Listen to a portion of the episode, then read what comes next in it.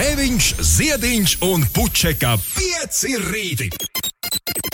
Eterā katru dienu starp 6 un 9. Lai teiktu mums visiem, labrīt! Neticami, bet nesalaužamais trijo grēviņš, Ziedņš, Puķekā saka, labrīt, Rīga, labrīt, Latvija, labrīt, pasaule arī šajā rītā celies augšā. Labrīt, Ulu, labrīt, Inese! Labrīt! Labrīt! Jej! Tā, vispirms, tagad, ja, uh, izšķirsim cīņu starp iPhone un Norvēģiem. Norvēģi vakar vinnēja. Tātad laika prognoze vakar iPhone'os līs visu dienu no 3 līdz pat vēlam vakaram. 40% iespēja, ka līs. Nu, tur ap 4 un 5 bija 9, vesels 90. Es tev tūlīt pārsūtīšu. Man, man ir vakardienas uh, pasākumi. Vakardienas pasākumi Nu jā. saglabāti. Jā. Tā tad nelīja. Rīgā, pagad, bet Rīgā līja ap kaut kādiem pieciem mazliet, vai ne? Nu, Es tev ne- gribas, gribas tev pārsūtīt tā, lai, lai redz, redzat jūs abi divi.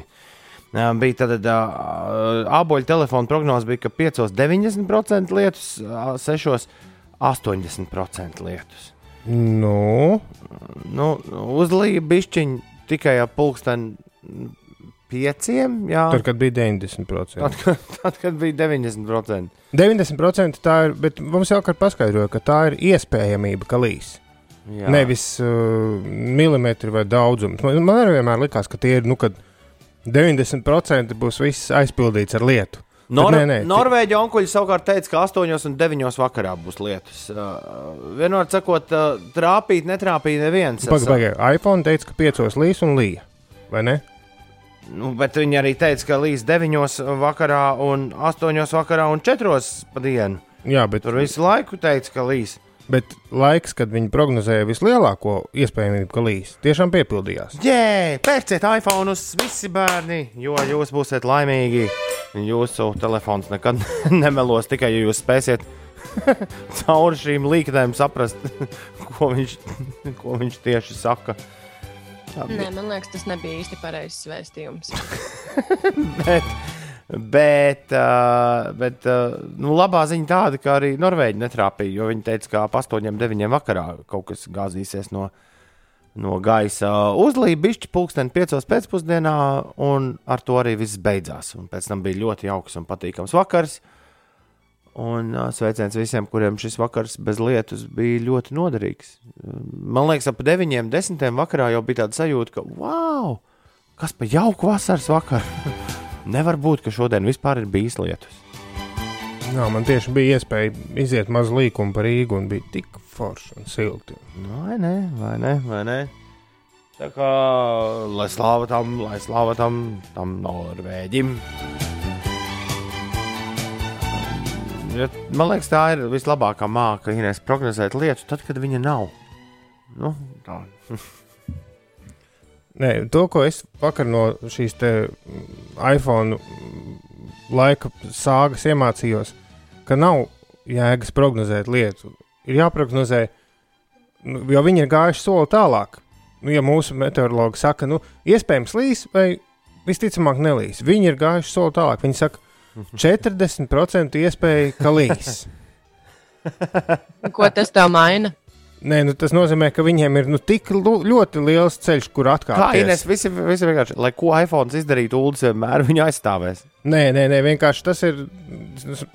Jūs nesaprotat ironiju. Viņi ir, viņi ir izdomājuši, kā apčakarēt visus, jo viņiem, ir, viņiem vienmēr ir ceļš apkāpties. 5,90% ka līs un nelīja. Nu, bet mēs taču teicām, ka nebūs 100% iespējamība, ka līs. Tātad 10% tomēr bija iespējamība, ka nelīs. Kamēr nabaga Norvēģi saka, nu jā, nu, tad bū- jābūt lietumam, un pēc tam viss viņas lamā, ka kāpēc jūs teicāt, ka jābūt lietumam, bet nebija. Ines, ieknēp man. Es neesmu pārliecināts, ka es vēl esmu dzīves. Jo, jo, jo tas, kas notiek manā universā, baigi neizskatās pēc, pēc reālās dzīves. Kas ar tevi universu noticis? Rebeka Koha ir islāmam pievērsusies. Taylor Swift ar Boniveru ir iedziedājusi duetu. Un šorīt uz uh, es mierīgi sē- gaidot tramvaju, es ieraudzīju zemās grīdas tramvaju man pretī slājot. Tie bija apturēti. Ja? Kādu gadu apmēram manā maršrutā. Man liekas, ka kaut kas ir sagājis uz īso nu, manā pasaulē. Kā, kā šī tā var? Un piparkūku mīkla vai, vai dievs, Jau ir? pi, pi, piparkūku mīkla. Iedomājies, Ines, kāds bija aizmirsis tramvai pieturā piparkūku mīklu. Tā nebija jau no pagājušā gada tur palikusi. Es nezinu, tur stāvēja o, izdzerts kokteilīts no, Tu- no restorāna ar dzelteno logo. Es atvainojos, bet tu paostīji. Un stāvēja piparkūku mīklu. Ne, man Skaidrs, ne- zina, ka tā bija piparkūku mīkla. Tur bija skaidri un gaiši virsū rakstīts piparkūku mīklu. ne viss, kas izskatās pēc piparkūku mīklas. Neticam. Bet, bet ko cilvēki Es dara? pat, es pat negrasā, negrasos klausīties tevi, Ulu, jo viss mans universums ir sagājis pilnīgā sviestā. Tur nav, viss, nav ne mazākā pierādījuma, ka tu esi īsts, ka Ines ir īsta un ka es šobrīd neguļu ciešā miegā. Tas ir, tas, ir neiedomājami. Kas bija jādara? Jāizslēdz gaisma. Jāmēģina izslēgt gaismu, jā, bet es viņu ieslēdzu. un Ah. To mēs esam metrā jau darījuši. Tiem, kas nezina, Mēģinājuši izslēgt gaismu. tu, tu gaisa gāji slēgt gaismu. Jā. Nopietni, Jā. nopietni. Jā. Jā, tiem, kas nezina, tā tad, lai, lai sapnī, ja tev liekas, ka tu sapņo ka šis ir sapnis, ir kaut kāda teorija, es nezinu, no kurienes, bet izklausās diezgan ticami, ka sapnī nav iespējams ieslēgt tā apzināti vai izslēgt gaismu. Jā, tu ej pie ā, tā. Es to redzēju filmā Waking Life. Oh, kas bija, man liekas, Richarda Linklatera gabals, kur bija animācija visāda. Bet, eh, jā, tu ej pie tā gaismas slēdža, un tu nevari ne ieslēgt, ne izslēgt.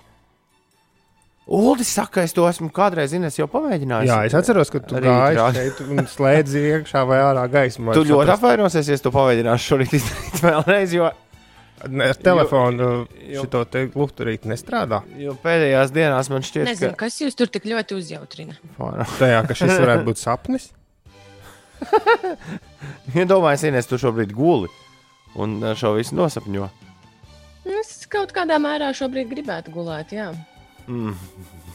Mm. Vai, Ines, vai Ines ir vienīgā, kur vēlētos šobrīd kaut nedaudz gulēt? Klau, būtu interesanti arī uzzināt, kurš no jums neguļ, kurš ir pamodies, jā, draugi, mīļie, kas noklausās mūsu sarunas katru rītu. Vienmēr tāda sajūta, ka kaut kādi mazi rūtīši ir sanākuši pie lodziņa, pielikuši austiņas un klausās, ko tad tie tur runā. 293, 202, ir joprojām numurs šeit studijā. Ik rītu jūs varat mums padot ziņu, izmantojot šo numuru, vai nu zvanot, vai arī rakstot SMS. Vienīgais, kurš šorīt ir uzrakstījis, līdz šim ir Kavinskis. Bet Alfrēds guļ, Ines. Tas arī šķiet, nu, tā kā sapnī. Tas Sapnī. jau ir aizdomīgi. Jā, dzintars un, un, un, un Uldis. Neviens neraksta. Jā, visi guļ. Nu, bet Kavinskis raksta, labrīt, vai zināt, kas šorīt notiek jūrmalā pa pasākumu? Parasti 5.30 redzu uz jūrmalas šoseis divas mašīnas. Šorīt bija sajūta, ka notiek evakuācija no Rīgas. Ērģeļa mūzika notiek. Jā, tieši šobrīd. Jā, saulēkta koncerts. To mēs vakar stāstījām, jā, ka šobrīd 6 no rīta Iveta apkalna spēlē ērģeles pludmalē. Un īstenībā, lai cik tas nebūtu vienkārši foršs pasākums, skatāmies, kā viņiem ar laiku ir paveicies. Viņi tagad gāsta. Tas, tas nav gum, gumijas ērģeles. Dīdzim gan laukā līst. Viņš raksta, es neguļu, bet laukā līst. Vai līst vai nelīst? Saradās Tas joks. Tas ar tā varētu būt sapnī, ka tu pasaki par izziņām un uzreiz saskrien mašīnā.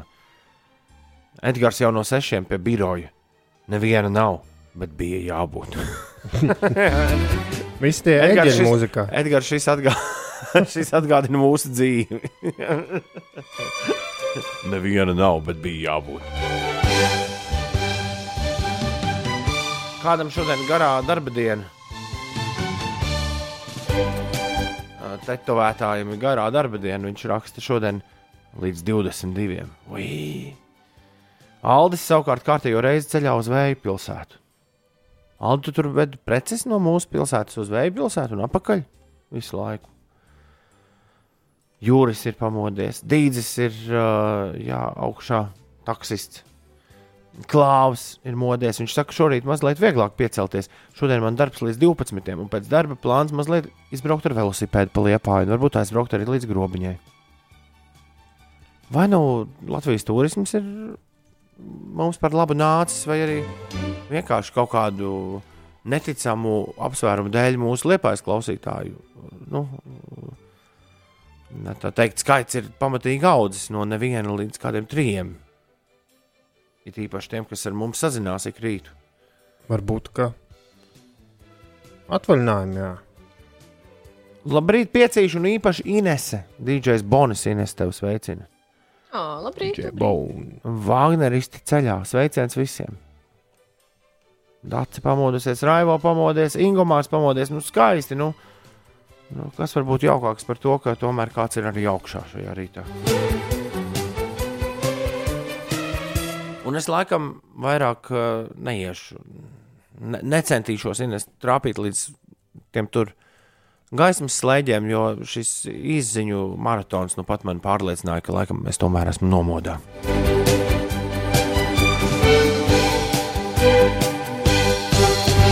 Ir 21 minūte pāri pusdienas sešiem. Inesē, tu rūtī- tu guldi rūtīšu dzīvoklī vai ko tu dari?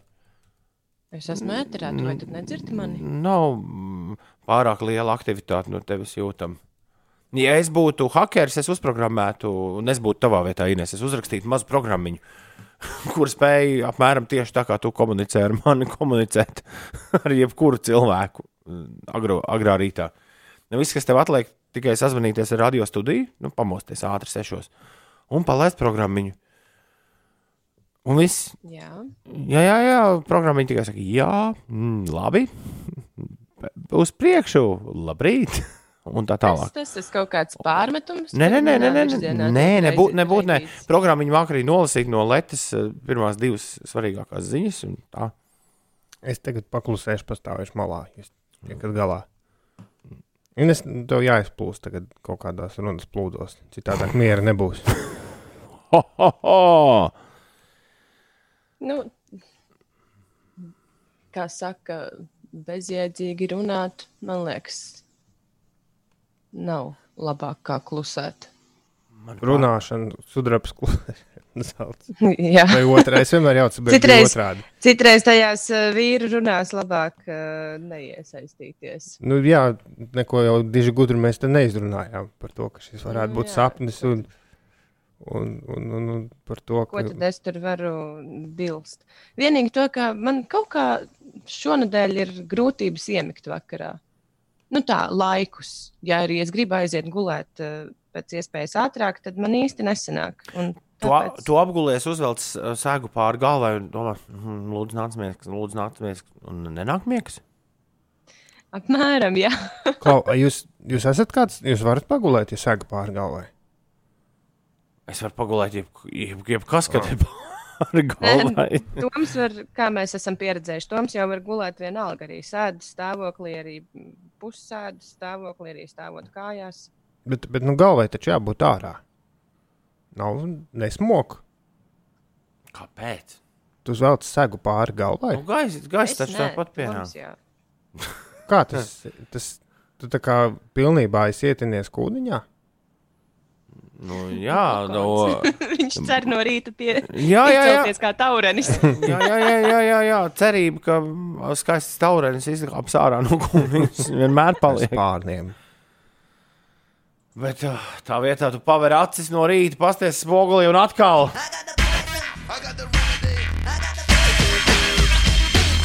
Ines kāds šoferīgais. Šoferīgais saka, paldies, ka mēs esam izglābuši viņu rītu. Viņš raksta, liels paldies par šo dziesmu. Bija jau domājis stāt malā un mazliet iesnaust, bet nu atkal droši var laist uz galvaspilsētu no Daugopils. Paldies! Viņš pirmo reizi dzīvē ir atrakstījis, ja numurs uz 293, 1202. Viņš piestājās, jau gandrīz iesnaudās, un šeit tev ir augšā. Zini, tomēr reizēm, ja ļoti, ļoti nāk miegs, tad labāk ir apstāties maliņā un kaut vai 15 minūtītes pagulēt, nevis mēģināt sevi noturēt. nomodā. Nu, jā, jā, bet tad DJs paņem un uzliek šito, un tad ej tu un paguli. Nu, ja šoferītam miegs ir pavisam, pavisam pārgājis, tad labi. Cerēsim, ka tā ir. Vai kādu uztrauc šīs dienas laika prognoze? Va vakar bija tad, nu, tehnisks dabas jautājums. Bija ļoti svarīgi, bet šodien ir kādam nu, kā kaut kas ieplānots. Man piecos jāiet no rādio mājās. Man vajadzētu piecos sausu. Okay, uh, mēģināsim noskaidrot, būs vai nebūs. Today very lucky. Congratulations me! Yay! Šodien vispār galvaspilsētā super sausā diena. Kāds varētu prasīt sausumu, kur tu rodies? Plus 26 grādos. Labi, tā iekarsis. Vakarā vispār sauļošanās laiks. Ap sešiem. Tad tieši tad, kad vajadzīgs. Nu, Un rītdien arī tikai uz nakti pārvirzījušās lietus lāses. Un Meteo vīrs arī sajūtas prātā, pastāstīs dālīs salicis. Ir Twitter kontā un atraitnītis. Tās ir tās puķis. Ko lūdzu? Skaidrs, zini, ka tās ir tās puķis. Nu, aizēj apskaties, ja tu man netici. Atmet jau ziņas. Twitterī. viņš ir vienkārši pierakstījis, ka dālijās daudz kameņu. Ah, Līdz ar to visticamāk tas ir dālījis. Tā jau Toms nemaz neatpazīst. Ek, tu! Es čūskoju šodien. Labrīt!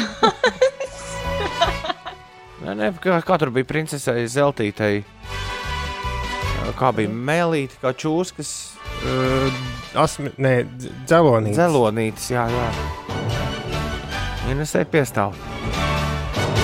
Labrīt, šodien Austrum. Man, man patīk, jā.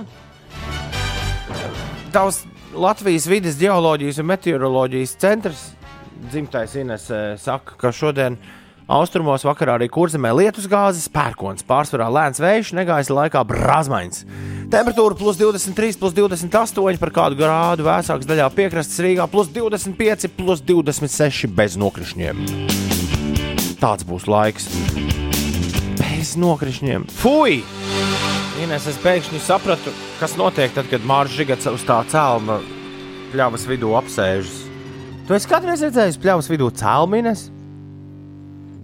Nu, reizēm, nu, tu domā, ka tā ir kaut kāda pilnīgi nedabiska parādība. Es domāju, ka varbūt pļavas vidū cēlums.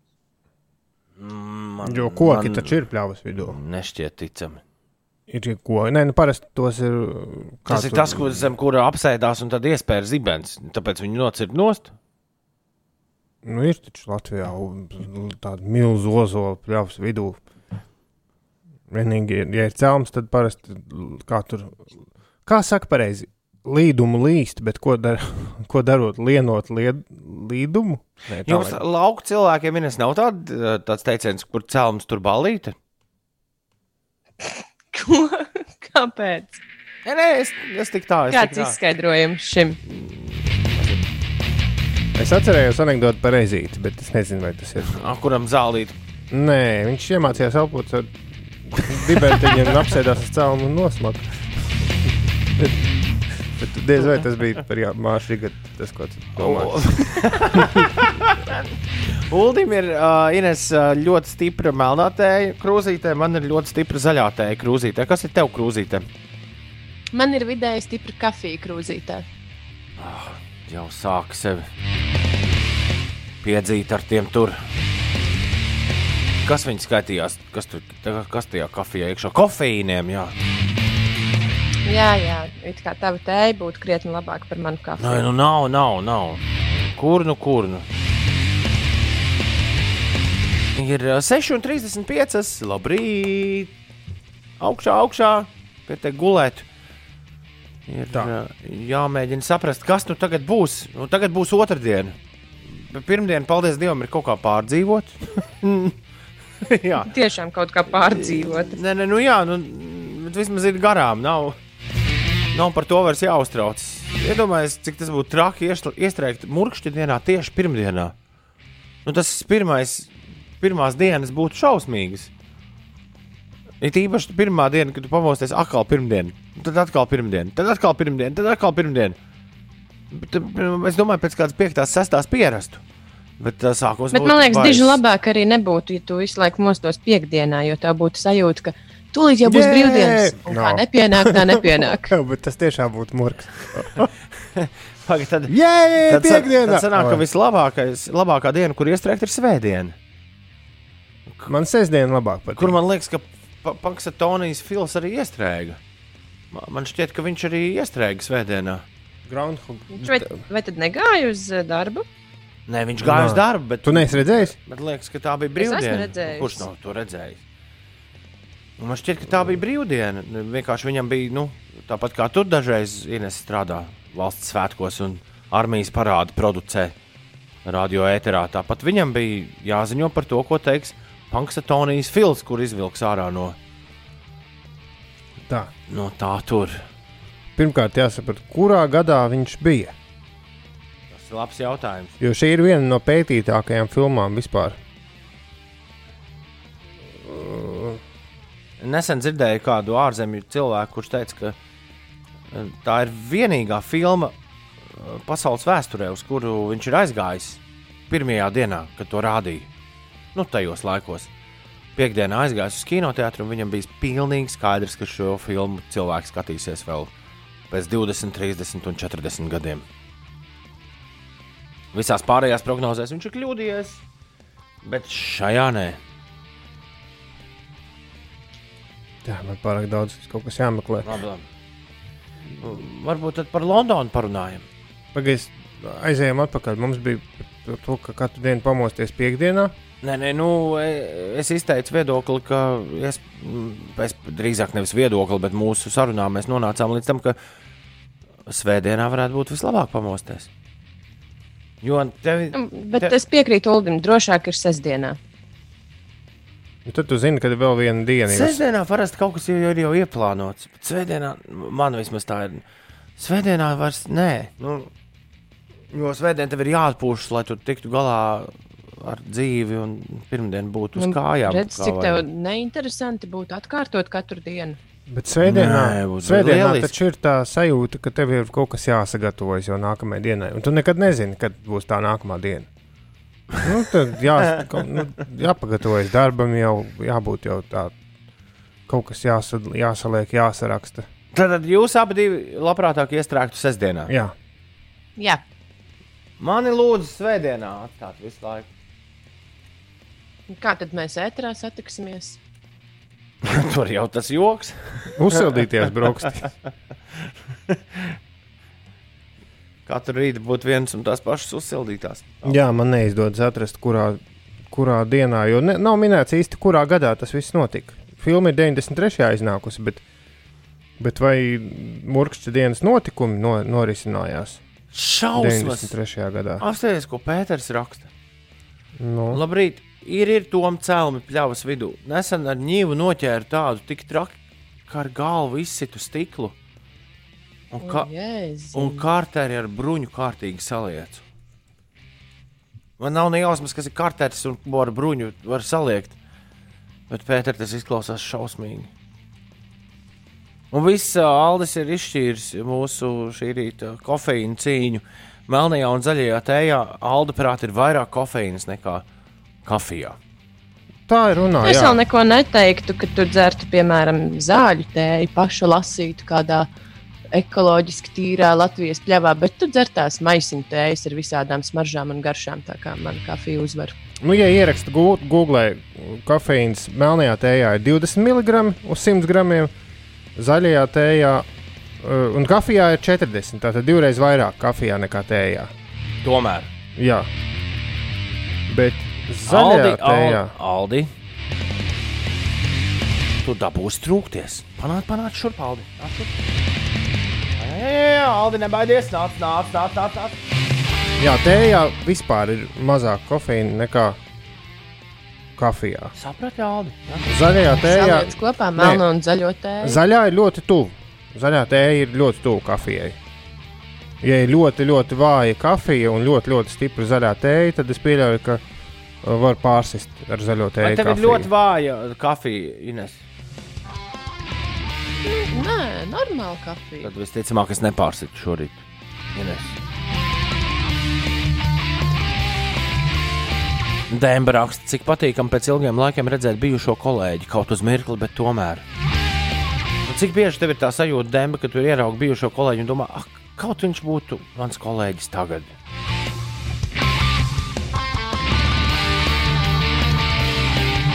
Nu, tas tā filozofisks jautājums visiem. Ir 6,41, ir otrdiena, 28. jūlijas. Labrīt, visapkārt. Inês, tev tagad jāstāsta, kas notiek. Jā, es varu pastāstīt, kas notiek. Nu, tas stāst. Ir uh, Nacionālajā basketbola asociācijā notikušas uh, vairākas spēles, bet mūs vairāk interesē droši vien tās, kur tā, kurās Bet pārbaudas- ir spēlējuši. Pārbaudas tās jau neviens neskaitīs nekur. Un Ko tad man tagad nestāstīt? nē, nē, nē. Nu, Droši, droši. Labi, netraucē man, šī ir mana pusotra minūte. Tātad uh, Vašingtonas Wizards ar rezultātu 116 pret 123 zaudēja Losandželosas Lakers spēlētājiem. Wizards sastāvā divus punktus guva Andrzejs Pasačņiks, un arī Brooklynas Nets ir spēlējusi ar rezultātu 107 pret 112 tiesa zaudējot jūtas džēz vienībai. Rodions Kuruts šajā spēlē guva, nu, es teiktu, diezgan daudz punktus, 13. Vēl ASV Nacionālās aeronautikas un kosmosa pārvalde ceturtdien plāno palaist pašgājēju robotu uz Marsu. Iecerēts, ka robots nolaidīsies uz planētas nākamā gada 18. februārī. Tas meklēs fosilizētas baktērijas, kā arī vāks akmeņu un grunts paraugus. Un vēl eh, jaunā koronavīrusa pandēmijas dēļ interneta tehnoloģija kompānijas Google darbinieki turpinās strādāt attālināti līdz pat nākamā gada vidum. Tā ir eh, nolēmusi kompānija. Par eh, citām aktualitātēm vēl nav izveidojies sastrēgums uz A8 posmā no Dabas līdz Jaunolainai braucot virzienā no Jelgavas uz Rīgu, bet noteikti būs. Seriously? Tu teici, jaunā koronavīrusa? Tā viņi Nu, tā sauc. to sauc. À, to mēs neizskaudīsim nekādā veidā. Nē. Nu, savā ziņā tas ir eh, jauns. Arī 24. gada pavasarī, kad Google darbinieki atgriezīsies savos oficiālos, viņi joprojām sauc Ja par jauno. neuzradīsies vēl kāds cits jaunāks vīrus, Ārprāts. Jā, tas ir. Es par to jau, kad, man liekas, aprīlī runājām. Tur bija. Bet kā, nu, kāpēc to tā sauc? Nu, tu biji pirmais, kurš teica, ka tas ir jāizsvītro. Nu, jaunais. Ārā. Jā, nē, man interesē, kāpēc ir, tas ir. Jo tas angļu valodā - novel koronavīrus. es domāju, tāpēc, ka ir eh, nu, dažādi paveidi, un šis ir eh, jaunākais, kas ir. Nu, ku- Wikipēdija raksta, ka tā sauc katru koronavīrusu pirms ir iedots vārds nu, tāds kā nopietnāks. Nu, vecāki izdomā, kā sauks. Sauc par jauno koronavīrusu. Nē, es domāju, ka šajā gadījumā Ines zinātnieki, kas sēž tur savā universitātē un nevienu nelaiž klāt, un kopš sākta gala, kad šis viss sākās tikai ņirgājas par to, kas noticis ar visu zemeslodi, viņi pie sevis domāja, "Es nekad dzīvē. Mēs nedomājam, kā aizies tas Covid-19. Jā, bet neviens īsti to vīrusu nesauc īstajā vārdā, kas ir SARS, SARS, COV, svītriņa 2. Jo Es vienīgi grafitī redzēju, vienā vietā bija ļoti precīzi uzrakstīts. SARS, COV 2. Grafiti? Jā, grafitī, jā. Ziniet, ko nozīmē Covid? Nē. Korona, vīrus, disease. So, vidu Un 19. gads. Kā, tā, kā Ražošana. tāds uzrādījās, jā. Ražošanas gads. Decembrī. Ui, izmūdējos. Decembrī uzrādījās. Tu un, tu un masoņi. Pagaidām, šo mēs vienreiz jau izrunājām. Ķirzaka cilvēki. Mm, jā, vai. Ir 6,45 un kā katru otrdienu šajā laikā tagad būs džēzā. Tikai Meitene!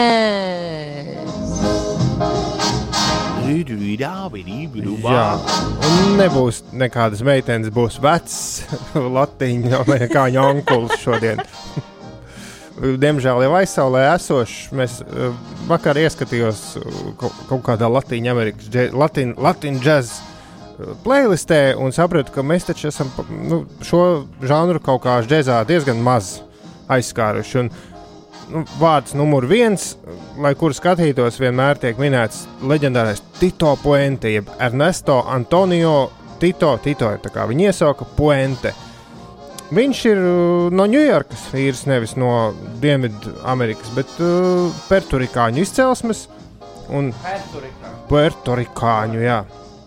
Un bieži vien tiek saukts par latīņu mūzikas karali, King of Timbāles. Timbāles ir tādas ļoti skanīgas bungas, ko izmanto latīņu amerikāņu mūzikā. Un uh, jā, viņš sapludināja kopā latīņu mambo un latīņu džēzu, la, la, un kļuva par tādu ļoti arī popkultūrā iemīļotu personu, jo viņš ir kā stāsta Wikipēdija, viņš bijis gan Sesame Street, gan Ceļā, mutne, nu, Leļu šovā, gan Simpsonos. Vairākās epizodēs, un viņa vis, vis, vis leģendārākā dziesma ir Oje, Komo Vā, ko man liekas, ir dzirdējis. Nu, katrs, kuram lat, nu, pat tie, kam latīņu džēza vispār ir pilnīgi sveša, sveša bilde. Nav, tur nav, nu, nav diži daudz džēza, tur ir vairāk, kā jau tādā latīņu amerikāņu mūzikā, vairāk ir sajūta. Un es tā vakardien rakņājos par viņu dziesmām, un tur viņam ir ļoti forša mūzika, un šī nebūtu tāda skanīgākā. Bet, nu, paskatoties uh, Spotify uh, spēlēt, nu, spēlējumu skaitu, šis ir absolūts grāvējs. Un, ja mēs liekam vienu skaņdarbu no leģendārā latīņu amerikāņu, viņš pats spēlē sitamos instrumentus. Viņš spēlē tās timbāles, tādas, tādas divas bungas, kuras, nu, kā lai saka, skan ļoti skaļi, un vibrafoni, kas ir tās, nu, sitamās klavieres, vienkārši sakot. Un skan tā kā no debesīm kāds tev virsū birdinātu. Man vismaz tā liekas, vienmēr laimīti. Nu jā, viņš ir spēlējis, ja paskatās viņa diskogrāfijā, viņš kā, kā, kā līderis. Viņš ir ierakstījies kādos, nu, tā uz acis skatoties, kādos 80 diskos. Viņam Bet... ar Boenu vistu social club nebija nekāds sakars. Man šķiet, ka nē, bet viņam bija ar Diziju Gillespie, ar Quincy Jones un, un vēl daudziem citiem leģendāriem. Tito Puente šorīt džeksa tikai meitenes, dāmas un kungi, kungi un dāmas. Inesē, šitien tev būs viens o, oje, komo vā. Klausies, Nu, nu, paklausīsimies.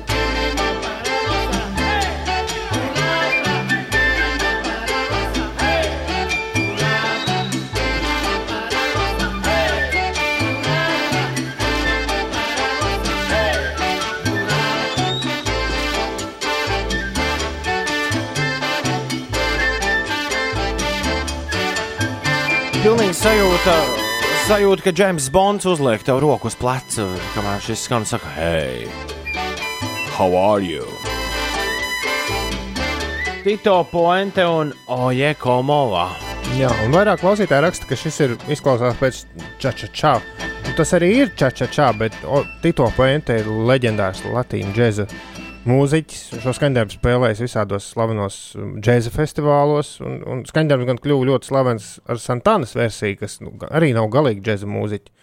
Bet uh, šis skaņdarbs simbolizē to, kas ir latīņu amerikāņu mūzika. Tur ir kuba, pertorikāņi un amerikāņi visi kopā sanākuši šajā te.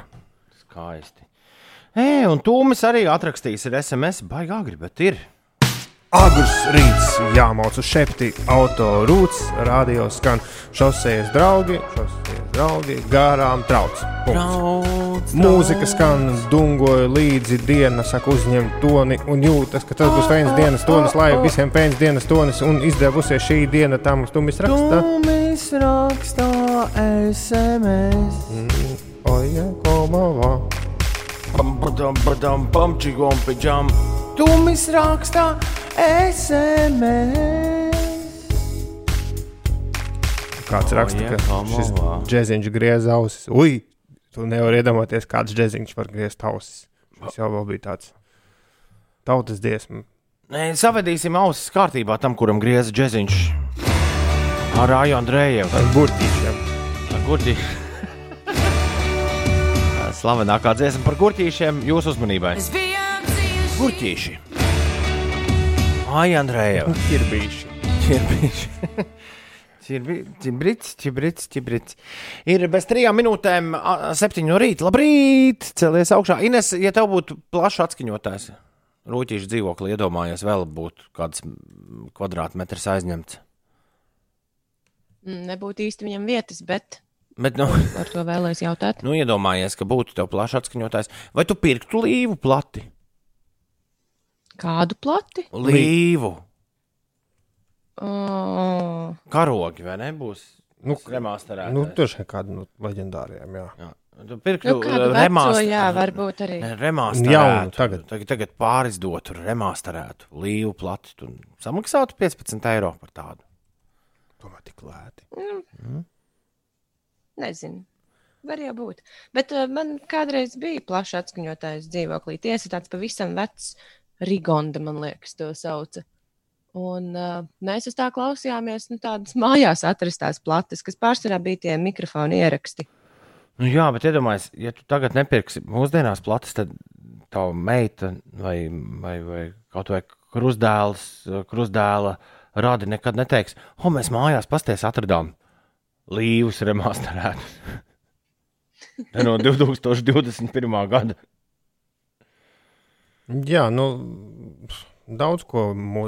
Nē, Ulas ir Nē. sašuts bet Ulas nesaprot, kāpēc pārizdod leģendārus albumus. Nē, man vienkārši ļoti interesē biznesa apsvērumi. Vai tas ir tikai tāds emocionāls lēmums, ka izdos latviešu nu, vecu mūziku jaunās platēs. Bet mūsu bērniem jau daudz kā nebūs. Nebūs fotoalbumu, melnbalto ar visādām Kasetes. kasetes. Nebūs par laimi. Vecas kasetes Labi, tās jau nav. Jā. Es domāju, ka tad, kad mani bērni pēc manas nokopes, pēc manas būšanas šajā pasaulē, nokopes manu tehnikas plauktu, viņi skatīsies uz kasetēm un diezgan prasīs. viens otram, ko, ko šito dara? Kas nes jādara ar to? Kaut gan viss aizdomīgāk, es skatos uz minidiskiem. Man vienīgi kaut kur stāv minidisku arī players. Viņā tikai jāieliek divas A baterijas. Tas jau labi, ka Bet, bet, bet, uz bet, baterijām vai nevis vi- ar lādētāju. Bet vai viņi sazīmēs abi divi? Nu, kā šitie te minītiski iet tajā aparātā iekšā? Tas ir labs jautājums. Varbūt tev laikus vajag izstāstīt visu. Jāsāk jau, jā. Gatavoties kaulainās vizītei. Var jau būt, var jau būt. Ir otrdiena, 28. jūlijas. Pagaidām vēl tikai 2020. gads. Vēl daži atceras, kas ir minīdiski, kas ir kasetes, kas ir kompaktdiski. Vēl lent, par lentes vēl modē atnāks. Jūs pieminiet manus vārdus. Kas tik te vēl nav gaidāms? Ir septiņi laika ziņām. Izglītības.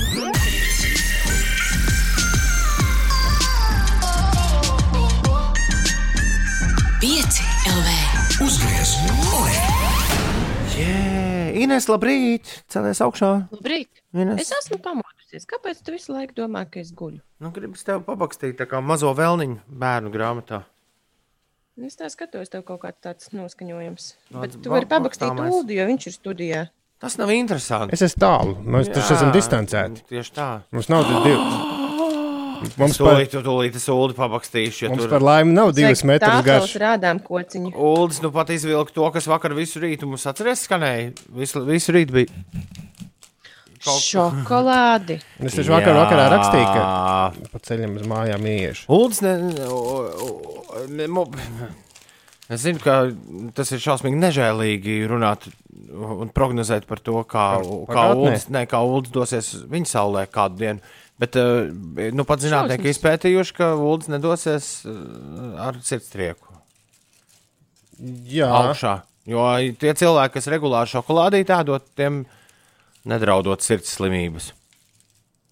nu, tur gan ir tikpat daudz zinātnes, kā tajā, ka kafija dzert ir veselīgi un, un ko tur vēl reizi dienā. Un, ši, es šos pētījumus apmēram 2013. gadā liku visās interesantajās ziņās, un tad apnika, jo tie parādās regulāri. Bet šorīt fakts, ka šokolāde atbaida sirds slimības, mums lieta noderēs. Ja Nu. vien tev būtu divus metrus garas tādas knājības, ar kurām paņemt to šokolādi. Labi, es nolikšu pa Tā, vidu. lūdzu, pa, Jā, Uldis jau vakardien teica, ka būs šokolādi jums. Jā, Ines. mm, Mums. neviens jau nav teicis, ka man viņi ir. Es tikai būšu pietiekami bezskaunīgs. Nē, nē, es noliku tā, lai, lai Toms var pienākt ar distanci un paņemt. Uldis tomēr diezgan pieklājīgs ir. Viņš jau diez vai viens ēstu. Bet tev nedošu Ines. skatīties. Sorry. Tu nedabūsi piedod. Klau, ja kādam ir kas sakāms par emigrāciju no Londonas, lūdzu, piecelieties kājās tagad, šajā brīdī. Uh, jā. Jā, tas, Lūdzu, piecēlās Ines. Jā, tam bija maz, maz saistība arī ar to, ko mēs pirmajā stundā runājām par to, ka mums liepājā vairāk jaunu klausītāju aizradušies. Un es tiešām zinu uh, cilvēkus, pie tam mūsu klausītājus, kas ar visu ģimeni aizvadītajā nedēļā pacēla cepures Rīgai, pateica visu labu tā. Mājoklis, es nezinu, vai ir pārdots vai izīrēts citiem, vai, vai vienkārši viņi īrēja, Viņi tagad izdomāja, ka brauks prom. pārvācās uz Liepā. Jā. Un, uh, un, uh, nē, šī raksts par kāpēc Londona, tāpēc, ka kaut kāda Londonas darba, darbā iekārtošanas vai darba pētniecības kompānija publicējas pētījumu, par, kurā teica, ka Covid-19 pātrina migrāciju projām no Londonas. Ja jau pirm, līdz tam, pagājušajā gadā, uz katriem deviņiem cilvēkiem, kas atnāca uz Londonu strādāt, desmit izvācās, tātad mīnus viens visu laiku. 83 darbiniekus katru dienu zaudējis Londonu. Mēs varam tikai minēt, cik Rīga zaudē katru dienu, nav īsti zināms. Vai, un vai tiešām zaudē, vai Rīgā nāk klāt. Bet, eh, jā, tā tad Lond un šajā gadā tikko veikta aptauja, kurā izpētīts tur cilvēka darba, spē, darba gados, ka aizvien vairāk. Nu, sakarā ar to, ka var strādāt tas no ir mājām. zūms, tas ir zūms.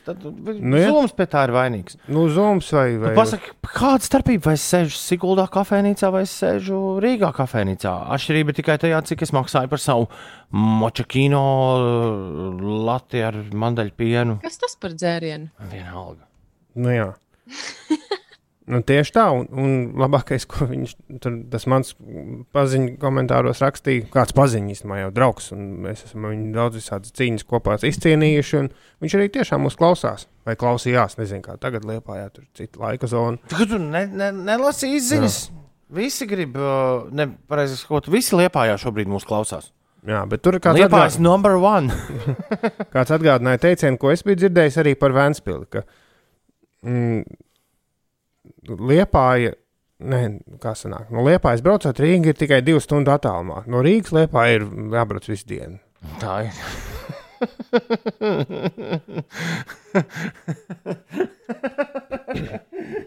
Bet man ļoti, tad, Šis ir tik trāpīgi. jā, bet tad es aizdomājos par to, vai tas ir slikti, ka Rīga zaudē iedzīvotājus. Mm. Krapas Reinis raksta, respekts visiem Rīgas pamatējiem, arī pirmos 25 novilku tur, un tad sākās īstā dzīve. Krapē. Nu, vai kaut kur citur. Bet vai, bet vai tas ir nē, nu skaidrs, ka Rīgas, bet Rīgā jau tā nodokļu naudā, man liekas, ir diezgan švaki, jo ļoti daudz cilvēku strādā Rīgā, brauc Rīgā, nostaigā asfaltu bruģi Rīgā, bet ienākuma nodoklis aiziet Mārupei, tur Babītei un vēl visādām pašvaldībām. Principā ved naudu ārā no Rīgas. Sigūda, pasties, kā Sigūda uzplaukst. Arī jau lielākā daļa strādā Rīgā. Nu, ne visi, bet liela daļa. Ah, Sigulda. Un es domāju, nē, vienkārši man ir tāda zinā, pilsēta pētnieciska interese, kas notiek ar pilsētu, kur zaudē iedzīvotājus. Un vai tas pilsētai nāk par labu, vai šeit būs mierīgāk un klusāk? Būtu vilciens 4,40. Tā nauda mazliet, mazliet mazāk būs pilsētai. Nu, jā, bet ja mazāk naudas, bet mazāk cilvēku, varbūt tādā naturāla saimniecība viņa te uztaisītu. Man man liekas, ka Džeki jau te ir uztaisījuši naturālo saimniecību. Man ir no rokas mutē.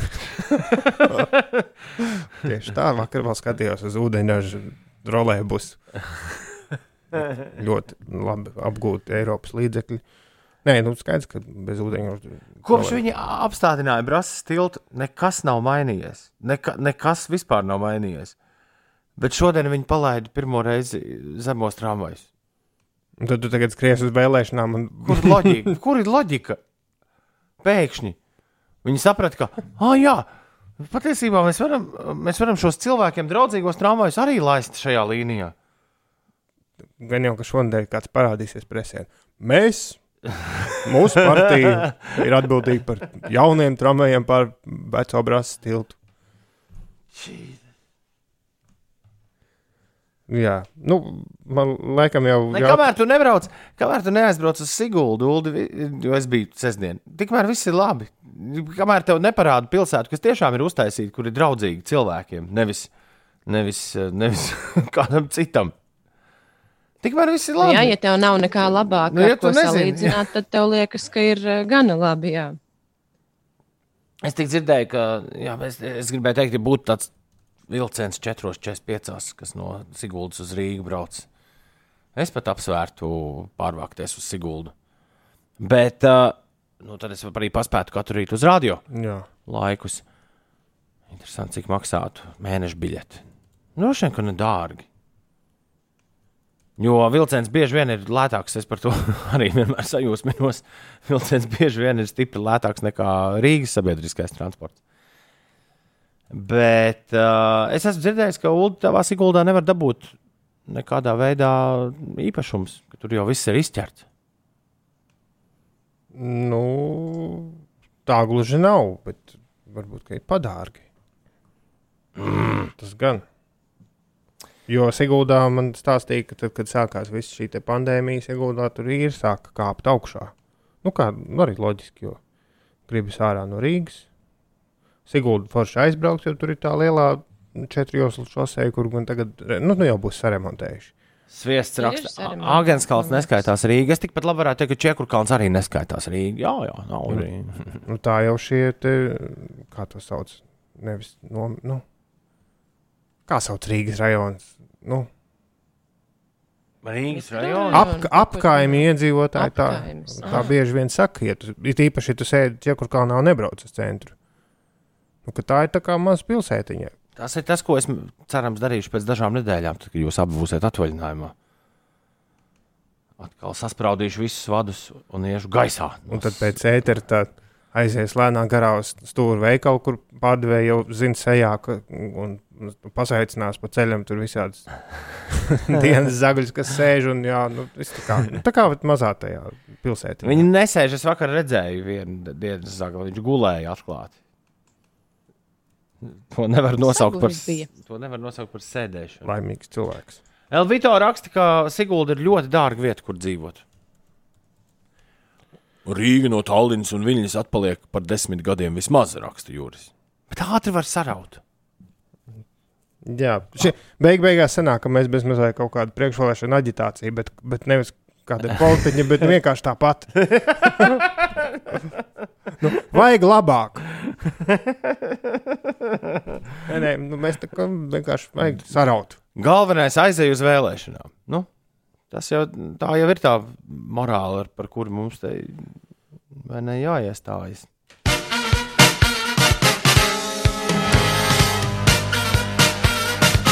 Dāmas un kungi, ir ceturklis pār septiņiem. Galvenais ir labi izgulēties. Jūs nevarat iedomāties, cik tas ir forši. Beidzot, es to izbaudu. Miegu. Es, man katra diena ir sestdiena. Nē, katra diena, kā Morisija dziedāja, svētdiena. Mūsu Rīga Latvijā! Cēlies augšā. Otradienā, 28. jūlijā, esam visi satikušies. Un visi esam gatavi darīt lielas lietas. Jo mazām lietām šorīt nebūs vietas. Cecīlijai un Cildai šodien jāpasaka čau. Viņām ir vārdu dienas Cecīlijai un Cildai. Sveiciens vārdu svētkos. Valdim Zilverim, komponistam, daudz laimes. Kārlim Vērdiņam, dziniekam, daudz laimes dzimšanas dienā. Artis Rasmanis, svin dzimšanas dienu, motosportists, sacensību rīkotājs, pieckārtais pasaules čempions. Viņi abi ar Kristēnu Sērģu Uikā laida blakus vāģos. Džimam Deivim, dā, bērnības dāvim šodien dzimšanas diena. Džim Deivis. Tas ir Džeks, kurš Ines Garfieldu uzzīmēja. Man O, atveda, man patīk tā multinīte. man atveda tanti no Amerikas uh, Garfielda grāmatu. Jā, reizes senos laikos. Un es vienmēr domāju, kāpēc Dāvis ir parakstījies. Jā, pie katras bildītes. Tas Dāvis šodien ir vajag vecs kļūst. Viņam 80. Nē, 75 atvainojos. Soldier Boys, viņa dzimšanas diena. Reiz aktuāls reperis. Harijam Keinam, angļu arī reize aktuālam futbolistam, daudz laimes dzimšanas dienā. Dacei Ivānai daudz laimes šeit, radio gaiteņos. Andrijam Veitneram. Nu, jā. Ko viņš šobrīd dara? Viņš visu kaut ko ir darījis savā dzīvē. Jā. Viņš ir cilvēks, arī, kur par mūziku ļoti daudz zina, un man šķiet arī mūsu klausītājs. Santai Petersonai daudz laimes dzimšanas dienā. Jā, dziedātājai un mammai, un kam tik vēl ne? Un no manis sveicieni arī Ievai Auniņai dzimšanas dienā. Tā. Ieva, lai Guardiāniņš šodien. Tā, un es esmu izpētījis, cik maksā biļete Rīgas Sigulda mēneša darba dienām abos virzienos. Nu, nu. 60 eiro. Sanāk, divi. Tā kā, tā kā 3 reizes 20 braucienu bija mm, etalons. Jā. Sanāk, tu diena, dienā, nu tad sanāk, ja tu brauc 20 darba dienas, 3 eiro dienā. Tas nav tik traki. Ietaupīju kafijas automātā, nepaņem pāris reizes karsto šokolādu un aidā. Nebrauc ar tramvaju. Vienīgi Elvito izziņa joprojām deg izziņa mašīnā. Sigulda ir ļoti dārga vieta, kur dzīvot. Tāpēc laikam jāpaliek Čekurkaldā. Jā. Labrīt, Inesē. Jā, Mums dzējas arī jāraksta šorīt. mm, jums negribās? Mm, Man jau gribētos, lai jūs kaut ko atcerat. nu, redz, tad uzreiz jau sāk parādīties vēlēšanās. À. Tad es varu jums pateikt, par ko es gribētu, lai jūs dzējojat. Mm, Nu, tas būtu tā kā vēlams. Savādāk. Savādāk, kā, Par, mm, kā lai mēs uzminam, ko tu vēlēsies. Par, par, par, par, par Latvijas pilsētām. Par pilsētām, kur jūs labprāt dzīvotu. Siguldu, Liepāju. Pierakstām. Nu, ja ir liela vēlme arī par Rīgu. Un fantāzija, tad var vēl kaut, kaut ko pielikt. Nav jau tā, ka ir tikai divas. Jā, mēs gan. Jā, jā, jā protams. ka- Nekāds te kur vien vēlaties. pārmet, ka mēs Siguldu lobējam, bet es vienkārši Siguldā esmu uzaudzis līdz ar to loģiski, ka tā vienmēr būs tuvi sirdī. Jā, Par Latvijas pilsētām, kurās vēlētos dzīvot. piemēram, es no mājām varu ātrāk uz Siguldu aizbraukt nekā uz Mārupi. Lietas aiz auss. Tā tas mēdz būt. Labi, 7,26 Latvijas pilsētu dzējas pēc mirkļa, bet tagad Ines stāsta, kas notiek. Apvienotās karalistes valdība ir uzsākusi kampaņu, lai samazinātu iedzīvotāju aptaukošanos, kas sekmē nopietnas veselības problēmas. Tas ir īpaši aktuāli arī koronavīrus pandēmijas laikā. Kampaņas mērķis ir mudināt cilvēkus dzīvot veselīgāk un samazināt eh, spiedienu uz veselības aprūpes sistēmu. Eh, Apvienotajā karalistē divas trešdaļas pieaugušo un katrs trešais bērns vecumā no 10 līdz 11 gadiem ir aptaukojušies vai ir lieko svaru. Tāpēc Britu valdība ir ņēmusi tā teikt, grožus savās rokās un gatavojas aizliegt neveselīgas pārtikas eh, reklāmas eh, televīzijā pirms pulksten deviņiem vakarā. Eh, Izbeigt, ka veikali piedāvā šādu pārtiku akcijās divi par vienas cenu, kā arī vairs neatļaus saldumu stendu izvietošanu pie kasēm. Savukārt restorāniem ēdienkartē būs jāuzrāda kaloriju daudzums katrā maltītē. Vēl par ārzemju vēstījumu.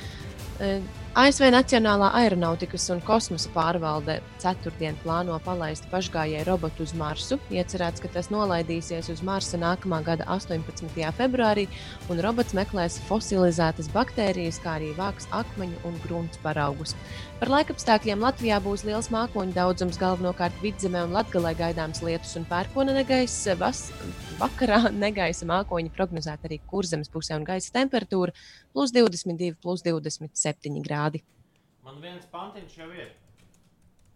O, cik tu ātrs! Vienu pantiņu es jau uzrakstīju. Jā.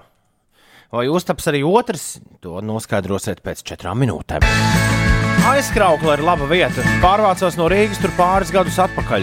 Ekspress no Rīgas 58 minūtes. Nekustamies samērā lēti. Viss dzīvē nepieciešamais pieejams turpat. Raksta aizkrauklietis.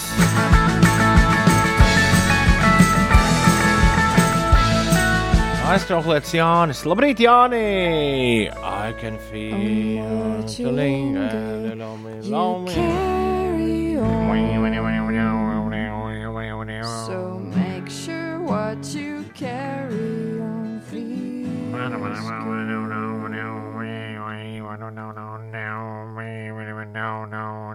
Es lietu baidu prom. nu, lai mākoņi iet prom. Ja, ja kādam vajag mākoņus, tad es varu atkal tos mākoņus piesaukt. Un kā tev veicas ar dzējām, Ulu? Divi pantiņi. Man arī, Vien- man arī ir divi viens, pantiņi. bet- Ines, ja tu tik vēlu mums pasaki, par ko ir jādzējo, tad ir tikai divi pantiņi katram. À, tagad tā ir mana vaina. Nē, negluži. Nu, nē, aizene, kurā nav vispār nekā, var būt pamatīgs šoks rīzniekam. Kas ir aizene? Aizkrauklu. Un Tagad būs Sigūda. Nē, pilsētu kašķis. Turpat nav kebabnīca, krapas reini. Beidziet reklamēt Sigūdu. Pats dzīvoja Sigūdā tīrē. Tā jau nav ko nopirkt īpašumu dārgi. Es esmu dzirdējis arī, ka Valmiera ir ļoti laba vieta, kur dzīvot, bet uh, Valmiera arī ar īpašumu iegādi ir diezgan bēdīgi. Bet kāpēc ir jāiegādājas obligāti? Es esmu no tiem, kurš šito nekādīgi nevar saprast. Padzīvo pāris gadus Valmjerā, pēc tam mierīgi, bez nekādām saistībām pārvācies, padzīvo Rūjienā, saldēju muzejā kādu laiku. Jā, Nē, šis būs garš, gara diskusija, ja mēs tajā ieiesim. Tā, es saprotu, ka man vajag mūsu dzēju fonu kaut kā sameklēt un uh, laist dzējas vaļā. Jā, Pietiks ar, pietiks ar diviem ja? pantiem. Nu, es domāju, Varbūt, jā. ka tev vēl trešais. Šaubos. Kuram jāsāk, Ines, kur, nu, kuru tu pirmā, ne, nevis kuram jāsāk, bet kur, nu, kuru tu uzskatīji par uh, nu, pieklājīgu dzējas rīta sācēju? Kuram būtu jāsāk ar savām dzējām No dalīties? Šī tā gan nedara. Man jūs abi liekaties pieklājīgi dzējas rīta sācēji, bet man liekas, ka pagājušo reizi sāki to ar savām dzējām. Tāpēc varbūt šoreiz, lai Uldis sāk. Jā, laid vaļā, Ulu. Jā, man nav di diži dziļas jēgas dzējolī. Bet, kad man pārmet, ka es par daudz mūdu un bļaustos te augšā, te lejā, tad jāstāsta man par Siguldu, kur ar spieķi es dabūju sejā. Nē, mieru tik mieru, tas nebija, mieru tik mieru, tas nebija tīšām. Mēs pastaigā gājām uz turēdas pili, uz trepēm kāds ātri paskrēja garām, stāsta beigas, abi vaigi man zili. Cerēju, ka kāds ēda zīli. Bēdīgs tas Es, es, cer- es Jā, cerēju, bet nav, Sigulda. bet nav patiesa par laimi. Man ir, uh, es arī par savu dzimto pusi. Ir laba dzīve Upsalā, bet man gribētos padzīvot Ķīpselā. It kā no ostas tur sodrēji nāk sūri, bet gan jau patiesībā nebūtu tik grūti. Nu, žāvēt veļu istabā un apstākļiem tik izdabāt, jo padomā, tik minūtes tad būtu desmit, un tu jau radio mājā esi. Tā arī būtu. Jā, Nu, es- ti- Tad īpat laikā tu esi kaut kur citur. Ķīpsela ir vienīgā vieta Ines Rīgā, kur es gribētu vēl kādreiz padzīvot savas dzīves laikā. Galvaspilsētā, ja? Galvaspilsētā. Otra vieta ir tā, kur es vienmēr aizmirstu, kā viņu sauc. Tad, kad brauc pa ganību dāmbi uz oranžo radio, tur pēkšņi kreisajā pusē ir vesela, vesela Katrīnas dāmas tur, kur Tur ir pilnīgi vesela pilsēta, kur, kas liekas kuku. tas jaunās augstās Tā jau mājas. dzeguši kalns. Nē, nē, nē, nē, tā kā privāta māja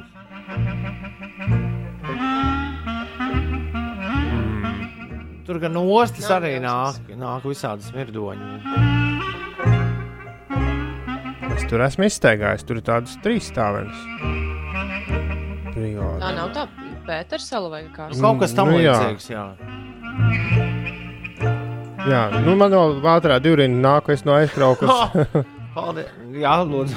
no, pilsētas, kas laiminēs. nav kas no aizkraukas. Reciet, mieru aizkrauklē, es aizkrauklē precējos. Fotogrāfam sveiciens. Varbūt tas bija koknis. Nē, tas bija aizkrauklē. Kundziņa sala, jā, Līva. Es par kundziņa salu runāju. Tā ir. Jā.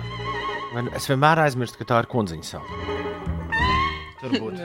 Nu, Skaidrs, ka tev tur gribētos dzīvot, tur kundziņa dzīvo. Nu, jā. Bet kundziņš savu nemaz neredz no tās ielas, kur brauc uz sarkandaugu. Tur taču jau, es jau neteicu, ka redzu. À, Tur vienkārši nogriež pa kreisi un tad aidā. es tur vienreiz iespējos ar mašīnu, bet tur bija visur sēdes priekšā, un es tā nesapratu, kas tur notiek. Nu, ar mocīti pamēģinu. Tur ir uh, vārti un milzu osta un viss.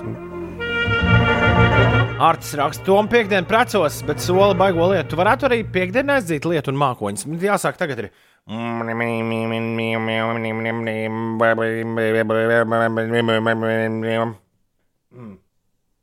Redz, pa- Pasties ar tā augšā, debesīs sāk kustēties. Uz piekdienu. strādā. Un, jo, jo jo jūs pagriezīsiet visi radioaparātus skaļāk, jo labāk darbosies. Tad mākoņi labāk sad- sadzirdēs. Es šobrīd kundziņu savu Google to, nu, to satelītu bildēm. Es esmu vien, man liekas, vienreiz, Street View. es man liekas, vienreiz mūžā esmu ar riteņiem izbraukājis viņu. Nu, viens, kas tur ir, tur ir zaļi. Nu, jā, Jā. bet, bet tu vari stāstīt, ka tu pēkšņi esi kaut kādā zaļumā, un tāpat laikā turpat netālu ir arī viss tas, kas ir galvaspilsētā. Jā. Nu, tā ir interesanta vide. Es ceru, ka izdosies. Man, es šo turpināšu tagad katru rītu līdz uh, piekdienai. Es ceru, ka uh, mēs uh, no tavām kāzām to lietu aizbīdīsim kaut kur, nu, teiksim, uz sestdienu. Lai tiem, kas sestdien preces, tiem ir. Man pielica, man pielica, pielica. Beidzot, cik reizes mēs jau šo dziesmu esam klausījušies. Viņš iedod pamācību, tā pamācība ir tev vienam. Bet, uh, bet, mm, bet tad, kad tu ej meitenei klāt klubā un saki, I can dance like Michael Jackson, tad tev ir jādara šis. Right foot up, right foot slide. jā, jā. Tad, tad, tu, tad tu tā dari. Uh, Rekur. Rekur man raksta Agnese, ka sestdienas svarīgs pasākums viņai jādzenot ir apakaļ lietus mākoņi. Agnese, bet labāk dzeram uz svētdienu. Nu tad prom no piekdienas uz sestdienas.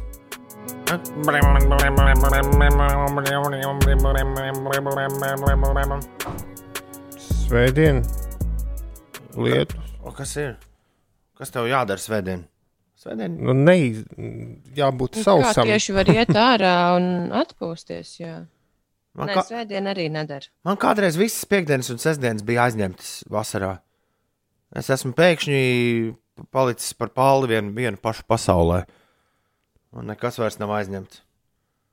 Man ir pilnīgi vienalga. Kā Morisejs dziedāja, Jā, Fredi. Every day is like Sunday. Bet kas tur bija ar. Uh, kāda bija prognoze? Ilgtermiņa. Man liekas, ka mm, lielos vilcienos jau laika apstākļi uzlabosies. Cerēsim. Piektdiena, sestdiena. tas ir- Latvijas galvaspilsētā vispār nelīs brīvdienās. Šobrīd tā raksta. Kurš gan brīvdienā paliek galvaspilsētā? Mm, Visi, kas paliek galvaspilsētā. Jā. Jā. Izbraukāja visu Rīgu, ir milzīga starpība laika apstākļos starp pārdaugā un kundziņu salu. Pārdaugā debesis klāja lietus mākoņi, bet otrā daugās pusē saule spīd. Ņemiet to vērā, izējot no mājas. Pagaidiet, sanāk, ka labāk dzīvot nevis pārdaugavā, bet otrā pusē. Tā ir tavā kundziņa salā. Labajā krastā. Inês, pastāsti, kas notiek vēl bez laika apstākļiem. Rīgas ielās sāk neliela sastrēguma veidoties Piedrujas ielā posmā no Kaibelas ielas līdz Vietālpas ielai. Šobrīd ir 6 minūšu kavēšanās, un līdzīga situācija arī uz A7 posmā Krokas ielas balošu pagrieziens. Gandrīz 7 minūtes tur pavadīsiet. Uz autoceļa A8 posmā no, Jel, no Dalbas līdz Jaunolainai, tas braucot Rīgas virzienā. Ir 20 minūšu kavēšanās par laikapstākļiem. Šajā dienā Latvijā būs liels mākoņu daudzums, galvenokārt vidzemē un latgalē gaidāms lietus un pērkona negaiss. Vakarā negaisa mākoņi prognozēta arī kurzemē. Negaisa vietām atnesīs stipru lietu, spēcīgas vēja brāzmas un arī krusu. Gaisa temperatūra būs robežās no plus 22 līdz plus 27 grādiem. Rīgā galvenokārt no rīta iespējams lietus, bet pēc tam naktī uz trešdienu iespējamas arī pērkona lietus gāzes. Uzspīdot saulei un pūšot lēnam vējam, gaisa temperatūra galvaspilsētā būs plus 25 grādi. Nacionālajā basketbola asociācijā notikušas pārbaudas spēles. Vašingtonas Wizards ar 116 pret 123 zaudēja Losandželosas Lakers spēlētājiem. Wizards sastāvā divus punktus guva Andrzejs Pasačņiks un Brooklynas Nets ar rezultātu 107 pret 112 zaudēja jūtas džēz vienībai. Šajā spēlē Rodions Kuruts guva 13 punktus. Nē, svētdien esot MTB maratons Cēsis Valmiera, esot saulē jābūt. Kur tad lai es stūmju tos lietas mākoņus? Varbūt tomēr atpakaļ Inés, varbūt ceturtdienu, lai nolīst, un tad liek visus mierā. Nē, ceturtdien man ir uh, jāiziet ārā pēc darba. Tad vēl uz priekšu, uz, uz pirmdienu. Kur tev jāiziet ārā? No rāmjiem? Nē, nu, ārā. Es šo nedēļu pavadu daudz radiomājā, bet pēc darba var aiziet uz kādu kafejnīcu. Esmu apjūtis. Es nezinu, es nezinu, ko lai dara šajā situācijā. Kāpēc? Nu, kā lai Nevajadzēja atrisināt sākt šo- dzenētos Nu, jā, mākoņus. viss, lai viss iet dabīgi gaitu.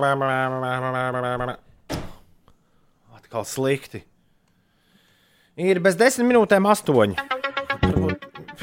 Televizoru skatīšanai visi laika apstākļi labi. Pieci rīti skatās TV. Uldis atkal ierāvis Netflix top 10. kā ir šorīt. Jā, dokumentā. Es gan neskatu, nu, es neskatos to topu. Man viņa nerāda sākumā, un tīri Tu, tur ne, zemā. tu netīšām skaties tieši to, kas tajā topā ir. Nē, nu, es, kāpēc tas ir tajā topā? Tāpēc, ka tas ir augšā. Tāpēc tas nokļūst topā, ne jau otrādi. Ne jau kaut kas ir augšā, tāpēc, ka tas ir topā. Netflix izdomā, šis mums ir jauns, to mēs tagad parādīsim visiem, ka reku, šis mums ir iznācis jauns. Un visi cilvēki tā kā aitiņas spiež uz tā, kas ir augšā, un līdz ar to tas arī ir topā. Jo neba nu, Latvijas iedzīvotājiem tik ļoti interesē tas 70. un 80. gadu dokumentāru seriāls par 70. un 80. gadu notikumiem Ņujorkā par mafiju. Bet eh, tā kā man šis te viss kopš eh, joprojām Sopranos. Jā, soprānos. Iespējams, visu laiku labākā seriāla noskatīšanās ļoti fascinē visa šī mafijas lieta, kas, starp citu, nemaz nav tik aizraujoša, kā to visās filmās rāda. Un šajā seriālā arī par to vairāk runā, ka tas īstenībā ir nu, briesmīga uh, parādība, kas iznīcina mazos biznesus un izspiež no cilvēkiem sulu. Jā, par amerikāņu mafiju. Par amerikāņu, itāļu mafiju, kurā 70. 70. gados tā bija Ņujorkā, nu, paņēmusi visu. Un uh, seriāls stāsta par notikumiem, tātad vēlreiz dokumentāls seriāls. Tiek intervētas reāls personas gan no FBI, FIB, gan no policijas, gan arī daži mafijas ļaudis stāsta par tiem laikiem, kā izdomāja tikt galā ar pašiem galvenajiem pieciem mafijas cilvēkiem Ņujorkā tajos gados. Kā, kādā kā juridiski tas tika izplānots, kā, kā izdomāja, kā viņus visus salikt vienā krimināla lietā. Un pats svarīgākais, kā viņi sāka noklausīties audio. Dažādos, tur ļoti, nu, ļoti interesants stāsts par to, kā viņi dabūja tās noklausīšanās ierīces restorānos, vai mājās, vai mašīnās. Tas viss tur tiek sīk un smalki izstāstīts. Un beig, beigās tas viss noved pie milzīgas krimināla lietas par to, kā viss, viss kas Manhetenā tika būvēts, viss bija 80. gadu sākumā mafijas kontrolē. Viņi kontrolēja visas arotbiedrības, kontrolēja cementa biznesu. Un tad, eh, kā tajās, tajos gados, jauns prokurors Giuliani kungs, kurš tagad tur visu kaut ko par Trumpu ņemas, and Giuliani down by the schoolyard. Rudolfs Giuliani, kurš pēc tam, starp citu, tieši pēc šiem notikumiem arī kļuva par Ņujorkas mēru. Kā viņi izdomāja veidu, kā varētu vispār tikt, jo seriāls sākas ar to, ka varas iestādes ir diezgan nu, nevarīgas un nespēja, nespēja neko izdomāt. Ja kāda interesē amerikāņu mafijas vēsture, kas ir piecas ģimenes, kas ir komisija, nu, mafijas lielā iestāde, nu, tāda kā organizācija, kas pārvalda visu. un dokumentāli stāsta par to, kā tas viss notika, sākot no sīkumiem, beidzot ar nu, lielām lietām. Tad šis seriāls, starp citu, ļoti īsts, trīs sērijas, katra 45 minūtes. Bet uh, nu, no dokumentālā viedokļa viss tur labi izdarīts. Nav tā, ka tā kā tajā Tarantino filmā, ko ķīnieši bija kā lielu atklājumu parādījuši. Nu, tur bija tas, ka tur kaut kādi divi cilvēki, kas ar Tarantino saistīti, runā. Pārējie ir kaut kādi nelgas. Nē, nē, te runā paši tie prokurori, runā, un arī mafijas cilvēki ir īsti. Ir da, bet ir dabūjuši arī tos runāt. Nu, dažus. Nē, nu, tos pašus lielos bosus nē, jo viņiem jau nu, Tie ķurķi. Tie ir ķurķī, tie, kas dzīvi un nu, mafijas ļaudis tā īsti nerunā ar presi. Bet nu, šie ir viens no viņiem, ir bija kļuvis laikam par ziņotāju. Un, un ļoti jauki ir rekonstruēts. Un vēl ļoti fascinējoši ir tas, ka šajā filmā ļoti daudz figurē tas ierakstītais īstais audio. Tās mafijas sarunas ar subtitriem, lai tu varētu visu izlasīt līdzi. Viņi diezgan daudz ir salikuši to skaņu, ko viņi ir ierakstījuši. Kur, kur tie tiešām īstie mafijas vīri stāsta, kā tur ko tur sitīs un šaus un, un vedīs un Oi. narkotikas un visu kaut ko tādu. Kam sūtīs zivi? Nu, apmēram, jā. Tā kā mafijas vēsture 70. un 80. gadi Ņujorkā. nereiz nepateici, kā šo sauc. Kā šo sauc? Šo sauc Fear City, New York versus the Mafia. Baiļu pilsēta, Ņujorka pret mafiju. Ļoti labs seriāls tādai nedēļas nogalē. Trīs sērijas, 45 minūtes.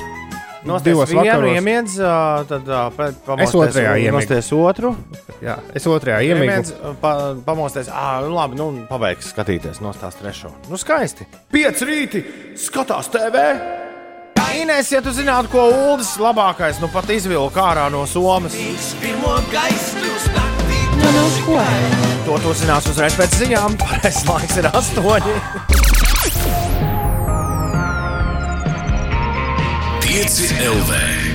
Uzgriez Es nezinu, uz kuru pusi tagad lai stumj tos mākoņus, bet. Labāk Es uzteikt. domāju, ka pareizi saka, ka dzenāt, dzenāt tos mākoņus un beig beigās būs sadzinājis katrā dienā. Labi. Tad labāk nedarīt neko, vai ne? Lab, labāk būtu gulējis un nenācis nemaz uz rādio. Lietas vai ne? mierā tos mākoņus. Blam, blam, blam. Labāk mm, izstāstīja milzu to klints pārsegu, kas palika pirms ziņām. Ko tad es izvilku no Somas? Uldis izvilka Jā. Ines gardās noņas. Kas ir gardās nūjiņas? Nu, paklausies, nu, Saldies, salmiņi, kviešu milti, ūdens, Domājies? cukurs, margarīns. Es gaidu, kas būs nākamais. Sojas lecitīns, kālijas sorbāts! Es gaidu, Beta-karotīns. Ine- Ines, es gaidu, kas ir nākamais, ko Uldis izvilks ārā no, uh, no Kad Somas. mēs ar Ulu divu tā būsim studijā? Mēs jau bijām. Tev nekas nav jāvelk no Somas. Ines, tu, man nekas nav jāvelk no Somas, jo Tomam ir telefons. Un, un Toms, nu, es nevaru atdarināt skaņu, kādu Toms izdevesa ziņu laikā, ieskatoties telefonā. Man li, no sākuma likās, ka ieskaitīja algu, bet nu, galīgi nav datums algai. Ai, Ines, ja tu zinātu, ko es ieraudzīju telefonā. Vai tu atveidosi skaņu, vai man mēģināt? Pastāsti. Man liekas, tas bija kaut kas apmēram Nu, es nevaru tik augstu. Nu, apmēram tāda skaņa un diezgan ilga. tāda sajūsma? Klausieties, klausieties! Vācu valdība atskaitīja naudu atpakaļ par manām 20, uh, ne, 19. jūnija avio biļetēm. 20. Ah, Uh, Viņi teica, būs jāgaida kungs mēnešiem. Bija jāgaida tikai mēnesis un desmit dienas. Un es zināju, tajā brīdī, kad es sapratu, ka visi vasaras plāni ir atcelti, es zināju, ka šī nauda, kas man tiks ieskaitīta, būs. Uh, Šodien pat jāieliek citās biļetēs. nē, nē, ka tas būs kaut kas ļoti jauks un ātri patīkams. jāiztērē atkal. Ja tu būtu šeit uz vietas, Ines, es droši vien jūs abus divus vestu uz kafejnīcu šodien, uzreiz pēc Redz, es ēdiena. teicu, Bet tu neesi uz vietas, tā kā tas Jā, neskaitās. jā, un man mēģinājums. Jā, kā, nu, mēģinājums, nav- nav laika. jā, jā. Es tev varu pārdot salmiņus. Bet klausies, man ne, pats labākais. pa visu naudu. Man ir, man ir jāpārbauda, cik es samaksāju par tām biļetēm, bet man šķiet, ka viņi ir atskaitījuši vairāk nekā es samaksāju par biļetēm. Man gan, starp citu, Rainē, tā ir. mēs jau mēs, dzird, mēs dzirdējām, jā. Rainer. Jā, tā. Tā Ai- kompānija man Ainārs. nav par vienu biļeti atskaitījusi. Bet tu paprasīji. Tu taču tur nepareizi biji. Mēs jau noskaidrojām, ka tu nepareizi aizpildīji pieteikumu.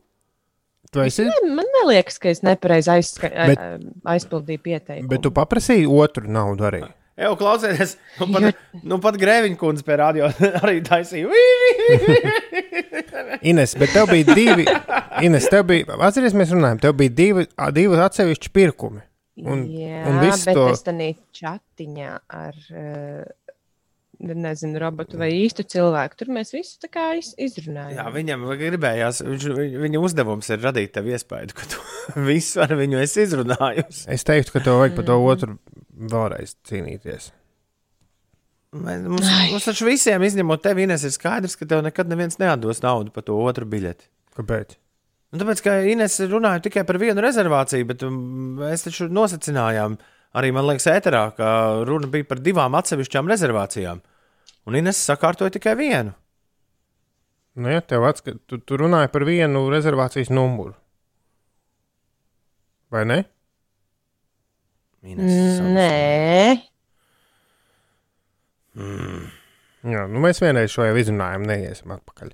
Bet Jā, es ieteiktu, labāk es neejam ieteiktu vēlreiz tev mēģināt tajā, tagad tajā chatiņā varētu būt mierīgāk. Jo daudz jau ir naudu atdabūjuši, un varbūt ka tur ir vairāk laika ar tevi pačatot. var jābūt. Kurš Bet to- Man šodien nav laika. Kurš to būtu domājis, ka nauda, kas ir ieguldīta avio biļetēs, ir patiesībā labs ieguldījums uh, sliktajiem laikiem? Jo nav iztērēta. Man tiesā arī pāris avio kompānijas, ieskaitot Ineses nosaukto, un tur, mm, kur nebija nekāda jēga gaidīt. Ir arī ļoti laba sajūta, ka tad, kad tu iedomājies, ka varētu kaut kur aizlidot, attaisīt savu profilu viņu mājaslapā, un redz, oh, your account balance. Tev tur rādās normāli trīs ciparu skaitlīši. Tas nozīmē, ka, nu, tad, kad es izlēmu ar viņiem kaut kur lidot, man kādu laiciņu nekas nebūs jāmaksā par to. Tas arī ir forši. Tu noteikti Ines, arī vari to atlikušo naudu dabūt jaunās avio biļetēs. Nu, Droši vien. Tikai nekur jau nelido. Tas ir vienīgais, ko es esmu pamanījis, bišķiņu papētot uh, avio kompāniju. Avio kompāniju saraksts, ka visi kaut kādi reisi ir nu, vienkārši galamērķi ir atcelti no Rīgas uz neatgriešanos. Nu, nē, kādreiz lidoju uz turieni un neeksistē vairāk. Nu, pie, pie, piemēram, ja tev Ulu Stambulā rīt būtu jānokļūst, Nav arī variantu. rīktīgi sāp. Neteikšu, kur. Kā tu to, kā tu to izveiktu? Nē, nu, protams, bagātais jau samaksā tur lielas naudas un, un, un visur nokļūst. Kaut kur savienojoties. Ir 11 minūtes pār 8. Es visiem šorīt no- novēlu, lai jums ir kaut kāds mirklis. Ir 11 minūtes pār pusdien 8. Labrīt, visapkārt! Ir otrdiena, 28. jūlijas. Cēlies augšā! Mieru, tikai mieru. Pak, tūlīt augusts būs jau. Jā, šonadēļ. Šausmas. Ines vakar teica, Tieši nedēļas nogalē. Ines teica, kā lai vēl, kā lai izdara, kā lai vasaru padara par lielisku. Tas bija Nu, tas, ko negluži tu teici. es teicu. Nu, ko, ko tad tu teici? Tev bija Nu, ļoti nē, es šo vasaru biju apņēmusies, nu, tā, ka nu, šī vasara ir jāpavada tā, lai tā patiešām skaitās, lai katrs brīvdienas ir uh, Un tad atbasa, īstas brīvdienas. un tad- un tad tu saproti, un tad ka ir vasa- pēdējais mēnesis un, pienācis. un tad vasara kopā ar 2020. gadu atbildēja. Ha, ha, ha, ha, ha! Nē, tieši par spīti tam ir pašam jāizdomā, kā to vasaru padarīt foršu. Un ir pēdējais mēnesis pienācis, kas nozīmē, ka ir četras iespējas vēl padarīt vasaru tiešām foršu. Atvaļinājums neskaitās. Nu, ja atvaļinājums eh, izdosies tāds, kā plānots, tad tas skaitīsies. Jā, ir starp citu ļoti laba izklaide meklēt internetā lasīt 31. decembrī rakstītos jaungada novēlējumus. Nu, dažādos Facebook ierakstos. Nu, kā tu novēli panākumiem bagātu un, un, un laimīgu un izdevušos.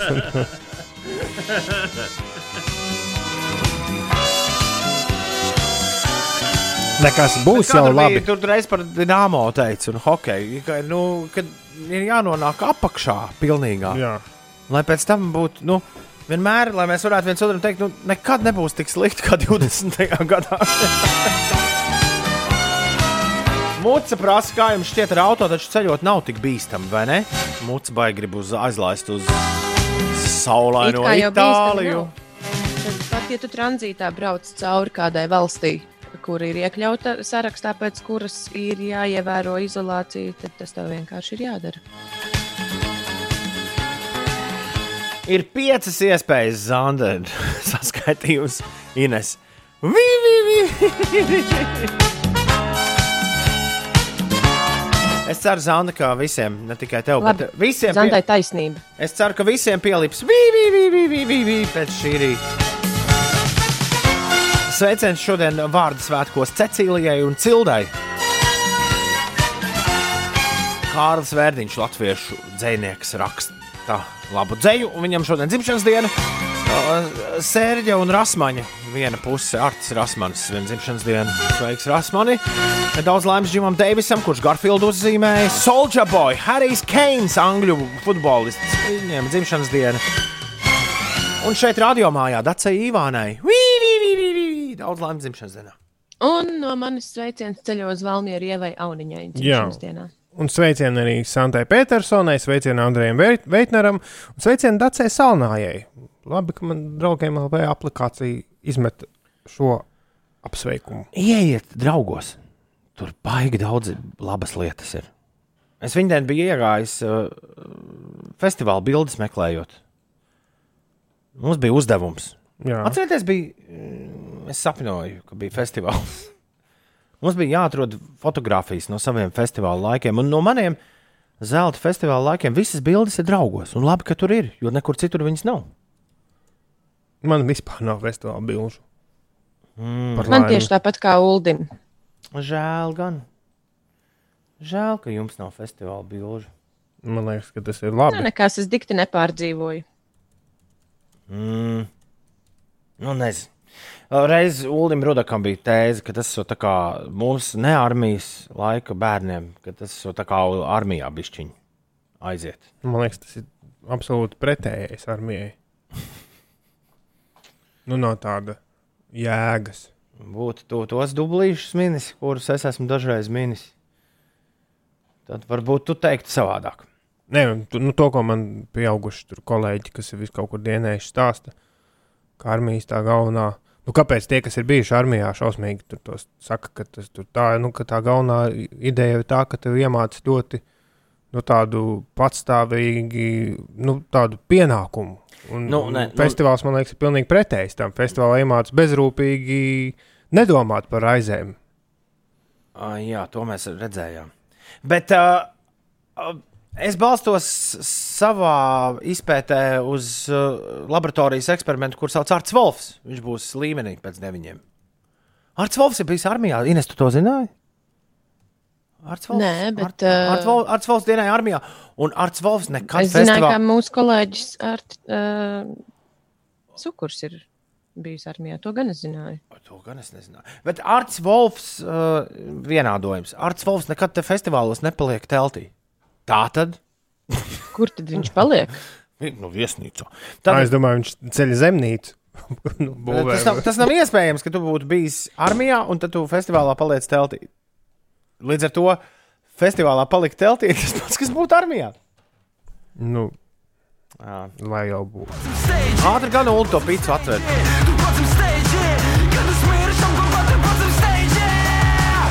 Tas, kas maržo zem galda. Kurš, kurš, Ines, lai nedzird, ko mēs te darām. ir 8,23. Labrīt! Ir otrdiena, 28. jūlijas. Ines, pastāsti, kas notiek? Labāk jūs pastāstiet, ko jūs tur studijā abi divi bez, bez manis darāt. Nē, nē, neko, neko. Labi, labi. Uh, šobrīd ir jārēķinās ar uh, vismaz 25 minūšu kavēšanos uz Jēlgavas šoseis braucot Rīgas virzienā. Tas ir posmā no Dabas līdz Jaunolainai. kā arī Ulmaņa gatavē posmā no Ojāra Vāciešu ielas līdz vienības gatavē aptuveni 5 minūšu kavēšanās, bet citās ierastajās sastrēguma vietās jārēķinās ar pavisam nelielu 3 minūšu aizkavēšanos. Šodien Latvijā liels mākoņu daudzums, vidzemē Latgalē gaidāms lietus un pērkona negaiss, un vakar pusē arī negaisa mākoņi gaidāmi kurzemē. Negaiss vietām atnesīs stipru lietu, spēcīgas vēja brāzmas un krustu. Gaisa temperatūra robežās no plus 22 līdz plus 27 grādiem. Galvaspilsētā galvenokārt no rīta iespējams lietus, un pēc tam naktī uz trešdienu pat pērkona lietus gāzes. Bet uzspīdot saulei un pūšot lēnam vējam, gaisa temperatūra Rīgā sasniegs plus 25 grādu atzīmi.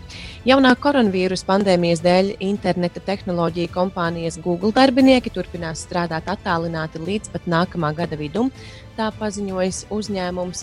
ASV Nacionālā aeronautikas un kosmosa pārvalde ceturtdien palaidīs pašgājēju robotu uz Marsu. Iecerēts, ka tas nolaidīsies uz Marsa nākamā gada 18. februārī, bet apvienotās karalistes valdība ir uzsākusi kampaņu, lai samazinātu iedzīvotāju aptaukošanos, kas sekmē nopietnas veselības problēmas. Jā, jā, jā lai tik, lai tik, lai tik vieš.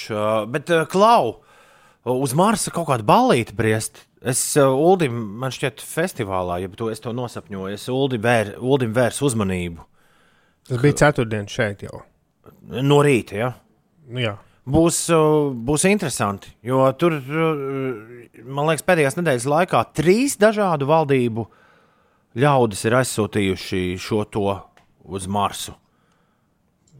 Tas, man, tas izklausās pēc tā, ka fe, februārī tur tiks izspēlēts pasaules nenotikušais Eiropas čempionāts futbolā. Vai kaut kas tamlīdzīgs. Arābi kaut ko aizsūtīja, ķīnieši aizsūtīja, un tagad ASV ir aizplēsuši. Un, Jā. visi, un viņi visi, nu kā arī attiecīgi, viņi arī tur nolaidīsies. Un tad tiks sāksies. Mārcis tagad labi redz pie debesīm. Deviņ- Kāpēc tur tik ilgi jābrauc? Ir? 99,945 ki- miljonu kilometru. Tad gandrīz 100 miljonu kilometru. Ir 20, 2020. gads, vai tu nevarēji izdomāt kaut ko, kas ātrāk iet uz priekšu? Tā teica Toms, kurš vienkārši strādā rādījumā. Pamēģini pats izdomāt kaut ko, kas ātrāk iet uz priekšu. Es varu pātrināt dziesmas, ja tas ir ļoti nepieciešams. Ir arī. Jūs to zinājāt, ka ir radiostacijas, kuras, lai nospēlētu vairāk dziesmas, saīsina dziesmas? Vai, vai, jūs, vai jūs zinājāt šādu faktu? Mūziķis atsūta radio, teiksim, rekur, weekend ir atsūtījis nākamā dziesma, nākamās dziesmas garums ir 3 minūtes 52 sekundes. Ir radiostacijas, kuras saprot, ka nē, šis ir stipri pagaru. Mums ir jāuzstāj savu versiju, tā būs 2,40 gara. Bet kā? Neviens nepamanīs. Izgriež ārā. Nu, kāda Vietas, pārtiņa? kur nedzied. Nē, nu, pareiz, man liekas, ka, ja es būtu griezējis, kas es neesmu, es grieztu vienmēr ārā uh, otro pantu dziesmai. Un tad neviens neko nepamanītu. Jebkurai dziesmai. Būtu vējiņi, paņem ārā otro pantu. Neviens nekad nepamanīs, ka tu esi izņēmusi ienes otro pantiņu ārā. Nu, nezinu gan.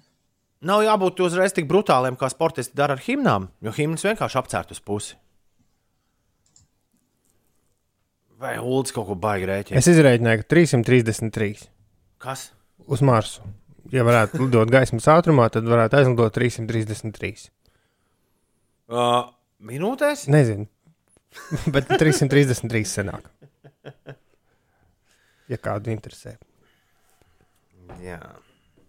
8 un 28. Bet tagad lūdzu izbaudiet to, ka jūs saņemsiet, nu, nedomājieties, brokastu kafejnīcā. Jums pasniegt omleti, kur ir izgriezta ārā trešdaļa. Nu, Loģiski, ka mazāk, pa trešdaļu arī mazāk paēdis būtu, bet lūdzu novērtējiet to, ka tagad jūs dzirdē, dzirdēsiet dziesmu pilnā garumā. Neapgraizīt. Visas 333. Es nu pat izbaudīju. Nē, nē, uh, es atvainojos. Uh, es, es domāju, ka tur putni čivina. Nu, es, es meklēju fonu, lai putni čivinātu, bet es dabūju. Čivina, pumpuris sprāksts, un to var uzsākt ko jaunu. Uh, jā. Forši. Kas ir konkurss ar putniem? Un šis tuvāk ir. Es gribēju teikt, es nu pat izbaudīju weekend skaņdarbu tādu, kā to bija iecerējis autors. Nevis radiostacijas programmu direktors. Mm, Jā. Jā, Es nezinu, kāpēc tie būtu. cilvēki. es ne. Ines, Ines, Ines. Jā? es vakar biju balītē, un uh, es, man liekas, krītu visiem uz nerviem ar, ar, ar vienīgo savu atklāsmi, kur es mēģinu pielipināt katram cilvēkam uz planētas, ko es satieku. Ka jūs vispār saprotat, Nu, nu. ka kino neeksistēs vairāk? Jo man šķiet, ka visi ir pieņēmuši to kā tādu nu, pašsaprotamu lietu. Kinoteātri. Bet pēc pāris, ga- pēc pāris gadiem mēs būsim visi šokā par to, ka. Kāpēc tev tik ļoti patīk prognozēt kaut kādas lietas, par kuru iespējamību tu vispār nevari būt pārliecināts? Mm, mm, Tāpēc, ka, Ines, tāpēc, ka dzīvē vajag sistēmu. Mm, Cilvēkam Vienkārši vajag ir par bail no, runāt. ne, ir bail no nezinu. Pirmkārt, gribas izlikties gudrākam nekā ir. Un otrkārt, ir vajadzība no, tā, no tādas mānīgas drošības sajūtas, ka es zinu, kas būs rīt. Lai gan neviens patiesībā nezina. Nu, Tāpēc kopš- arī cilvēki es esmu prognozē sportu, prognozē laika apstākļus, prognozē Es visu kaut ko. zinājis, Ines, visu, kas notiks. Tad, kad es pirmoreiz neeksistēs. ieraudzīju, tad, kad es pirmoreiz ieraudzīju, piecu gadu vecumā, uh, starp citu, tajā bija iejaukts uh, neviens cits kā Edvards Liniņš. Kādreiz paprasiet viņam, kādā darba sapulcē stāstu par šo. Kad es pirmoreiz ieraudzīju kompaktdisku atskaņotāju savā mūžā, es teicu Edvardam Liniņam, acīs skatoties, kādu dienu šādos diskos rakstīs multenis iekšā. Viņš teica, ho, ho, ho! Un tā arī mūsu saruna beidzās. Kas notika jau pēc piecu gadu vecumā kas notika jau pēc tev ir vienreizējs spējas. Kas notika pēc pāris gadiem? Tieši tā! Tieši tā! Es zināju, ka kādreiz būs kastītes, kuras ieliks kabatā un kurās skanēs radiostacijas. Tad jau Neprasiet paredzēji kā. arī pandēmiju. Nē, to neviens neparedzēja. tas, bija ab, tā? tas bija absolūts erors visā paredzēšanas mākslā. Laikam Nostradamus bija kaut ko paredzējis. Nē, Ka no austrumiem, nu, viņš tur rakstīja, ka no austrumiem nāks kaut kāds tur un visu apstādinās. Tas arī notika. es pat labāk neko neteikšu. Tādu tumsonību.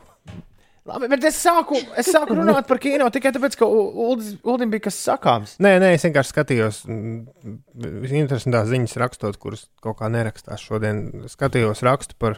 Nevar būt. Tāpēc man ir saglabāta vesela čūpa rakstiem, kur nedara interesantajām ziņām, bet kas ir vienkārši interesanti. Un ir raksts par to, ka lietas neizskatās labi filmām, nu, ka nebūs labi laiki. Un, un tad bija saruna par to, ka drīz mums beigsies jaunais saturs. Nu, vienkārši Visur. izbeigsies. Nu, jā, jo ir filmas, kuru, kuru izdevēji nezina, kaut ko gaida. Tad ir daudz, kas ir apstājies, ko, ko nefilmē. Nu, ja nebeigsies, tad un tur bija tas komentētājs, kurš to rakstīja, neatceros, Ņujorkā, vai kur viņš teica, ka and that's a good thing. Jo beidzot būs laiks noskatīties to, kas ir līdz šim To, kas ir sataisīts. sarežģīts, jā.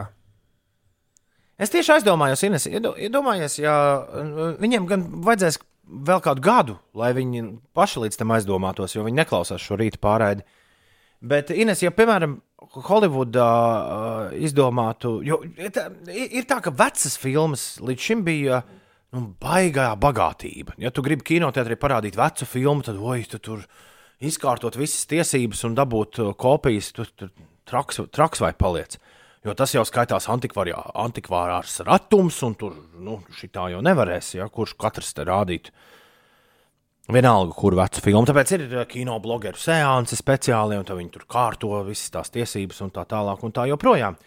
Bet uh, vienīgā iespēja, kā izdzīvot kinoteātriem, būs, piemēram, viņi varētu uztaisīt programmu visas filmas, kas jebkad ir saņēmušas Oskaru.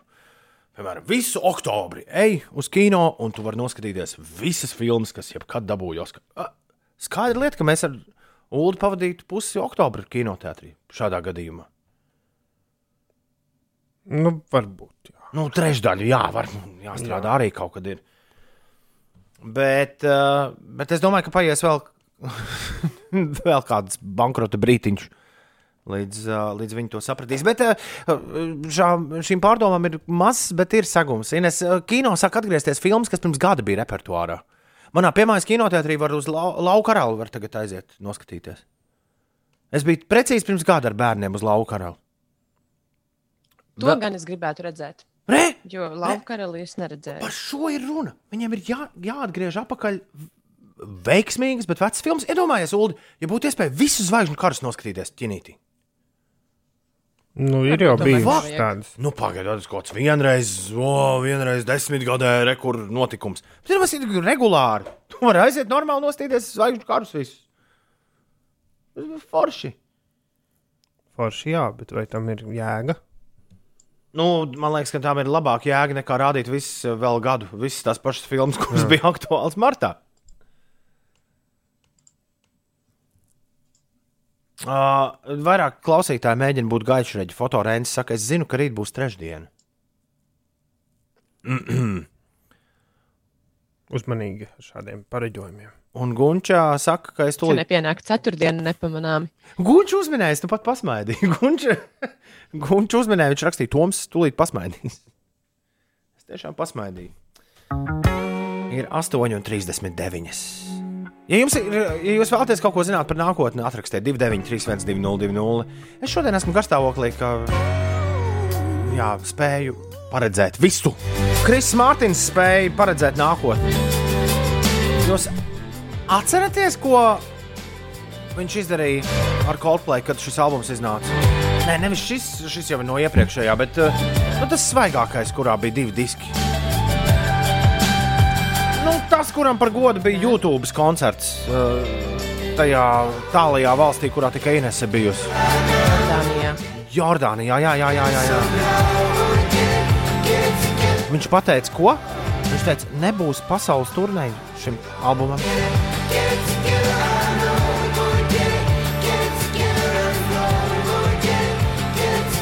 Mums jau ir tāds, ko, kā nebūs. Nu, nebūs. Es nebūs. Un, ja nu būtu ieplānojis, tad čūši vien sanāk.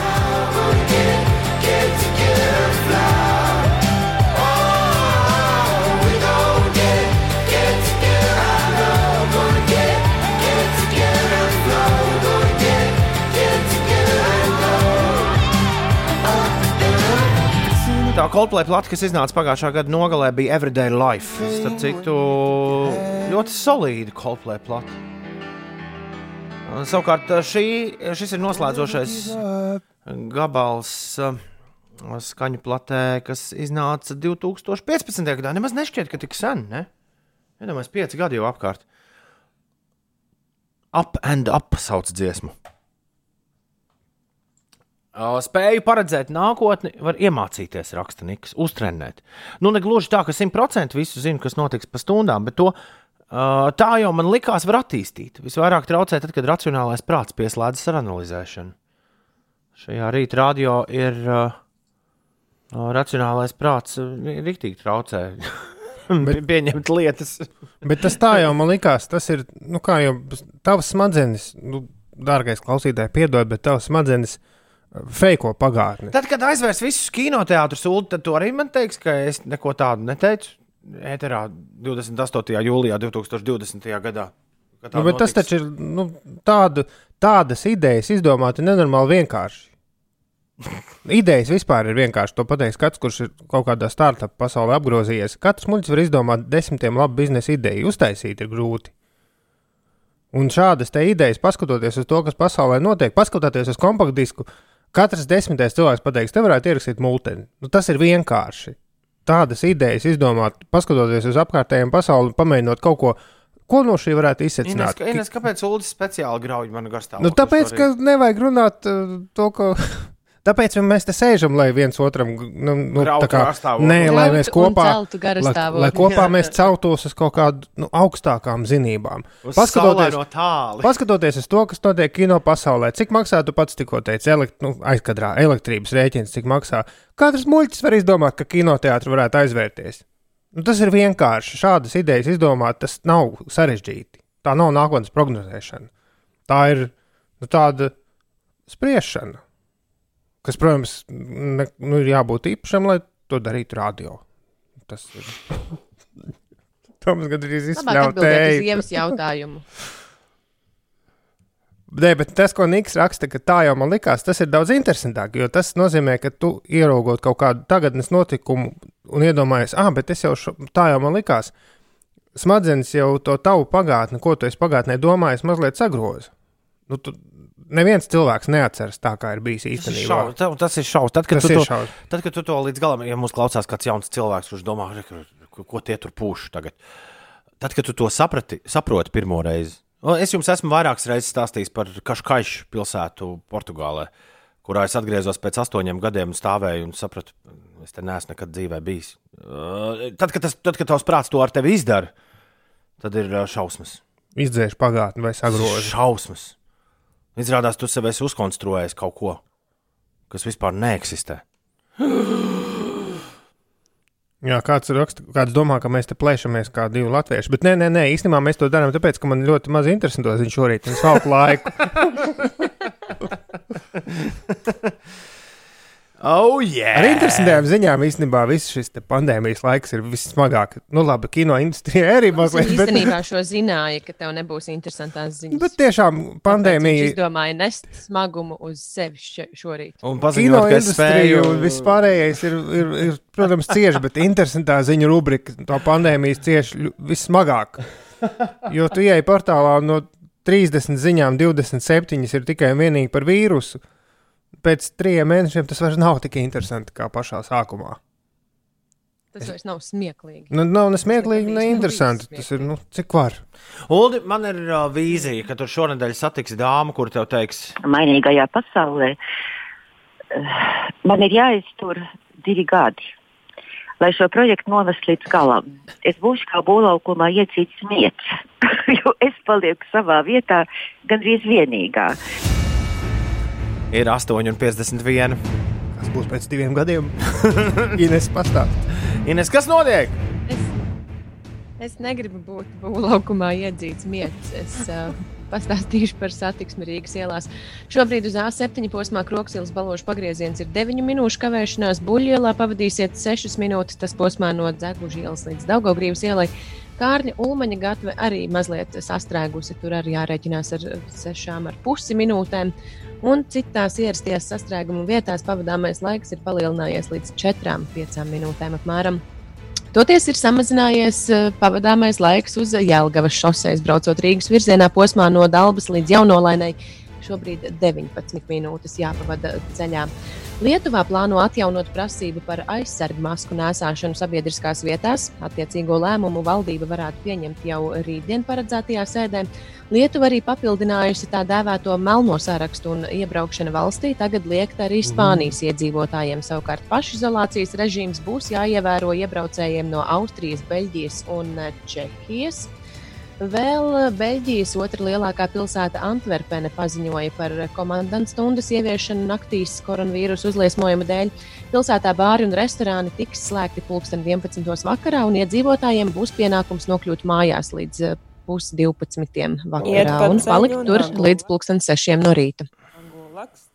Iet pa ceļu, nagu laks, nagu laks, nagu laks. Es varu Antverpenē. Mēģina tikt mājās līdz pusnaktī. Antverpenē ir tik forši, bet tur viss slikti. Ja? Pēc tevis spriežot. Dainis Sensīts prasa, Beļģijā kopumā. Uh, Sensīts Dainis, man ir uh, kā daudziem draugi, kuri strādā Beļģijā, bet viņi ir visi tagad mājās šeit, Latvijā. Un viņi rīktīgi sāk priecāties, jo viņiem bija nu, sākumā iedot, uh, iedot pavēli septembrī atgriezties darbā. Bet viņi visi berzē rokas, jo ir pilnīgi pārliecināti, ka tūlīt pat šis, uh, šis um, uh, pagarināsies. Un uh, laikam izklausās, pat ja tu maksā uh, ikmēneša maksājumu par dzīvokli Briselē, uh, pat tajā gadījumā, nu, lieki, kā tas šobrīd notiek. Bet uh, pat tajā gadījumā dzīvot Latvijā un saņemt turienes algu, man šķiet, skatoties uz viņiem, Strādāt attālināti. Oi, tas tā kā nierītēm pa taukiem ņemties. No kā šis ir cēlies? Nierīt pa taukiem. Nu, reiz. mierēm pa taukiem. Man liekas, ka tas nav īsti veselīgi. Man liekas, Man ka tas ir liekas, kaut kas Izkaupojušies man- iekšēji orgāni nav pareizi. Man arī liekas, ka tas nav, nav labi. Pagaidiet, Dainīts, uh, Dainī, Dainītis, jā, Sensīts Dainis raksta, ko darīt, ja tu aizbrauc uz nezināmu valsti, bet sāc atcerēties, ka tur jau esi bijis. Bet šis ir. Secīgi, Daini, vajag mazāk teļu skatīties. Nē, šis Man, šim... man Luvrā šis uznāca vienreiz. Es, es eju Luvrā, tur ir kāpj lejā no otrā stāva. Tur ir tāda milzīga, milzīga, milzīga kāpnes. Un es saprotu, iedomājieties, ja es saprotu, oh, es esmu bijis šausmas. Un tad es atcerējos, ka es četru gadu vecumā sēdēju un skatījos trīs sēriju dokumentālo filmu pa dienu Krievijas Ostankins televīzijā, kurā izveda cauri visai Luvrai. Bet uh, nē, tas var būt arī deja vu fenomens. Kad tev liekas, ka, ka kaut kas jau ir bijis. Un Zini, kāpēc tas ir? Nē. Nu, bet te, tev zini to sajūtu. Nu, kad tev pēkšņi uznāk sajūta, ka šāds notikums jau ir noticis. Man reti tā bija. Bet uh, prātā nu, smadzenē ieliek vienkārši šī brīža notikumu nepareizajā kastītē, ieliek pie atmiņām. Un tu piedzīvojot šo brīdi, tev liekas, ka tas ir nevis šis brīdis, bet ka tā ir atmiņa. Nu, tas ir vienkārši smadzenēs, bija aiziet, saslēdzis vadīgi nepareizi tajā brīdī. Man bērnībā bieži tā bija, bet tagad mazāk. Oh, Niks raksta, ka jāizpēta Mandelas efekts, nesošas lietas atcerēties. Tas ir tas, par ko mēs runājām. Deja vu nepastāv. Nē, nu tieši tā, tas ir smadzeņu apmāns. Smadzenes tev kā nofeiko pagātni. Bez piecām minūtēm, deviņi.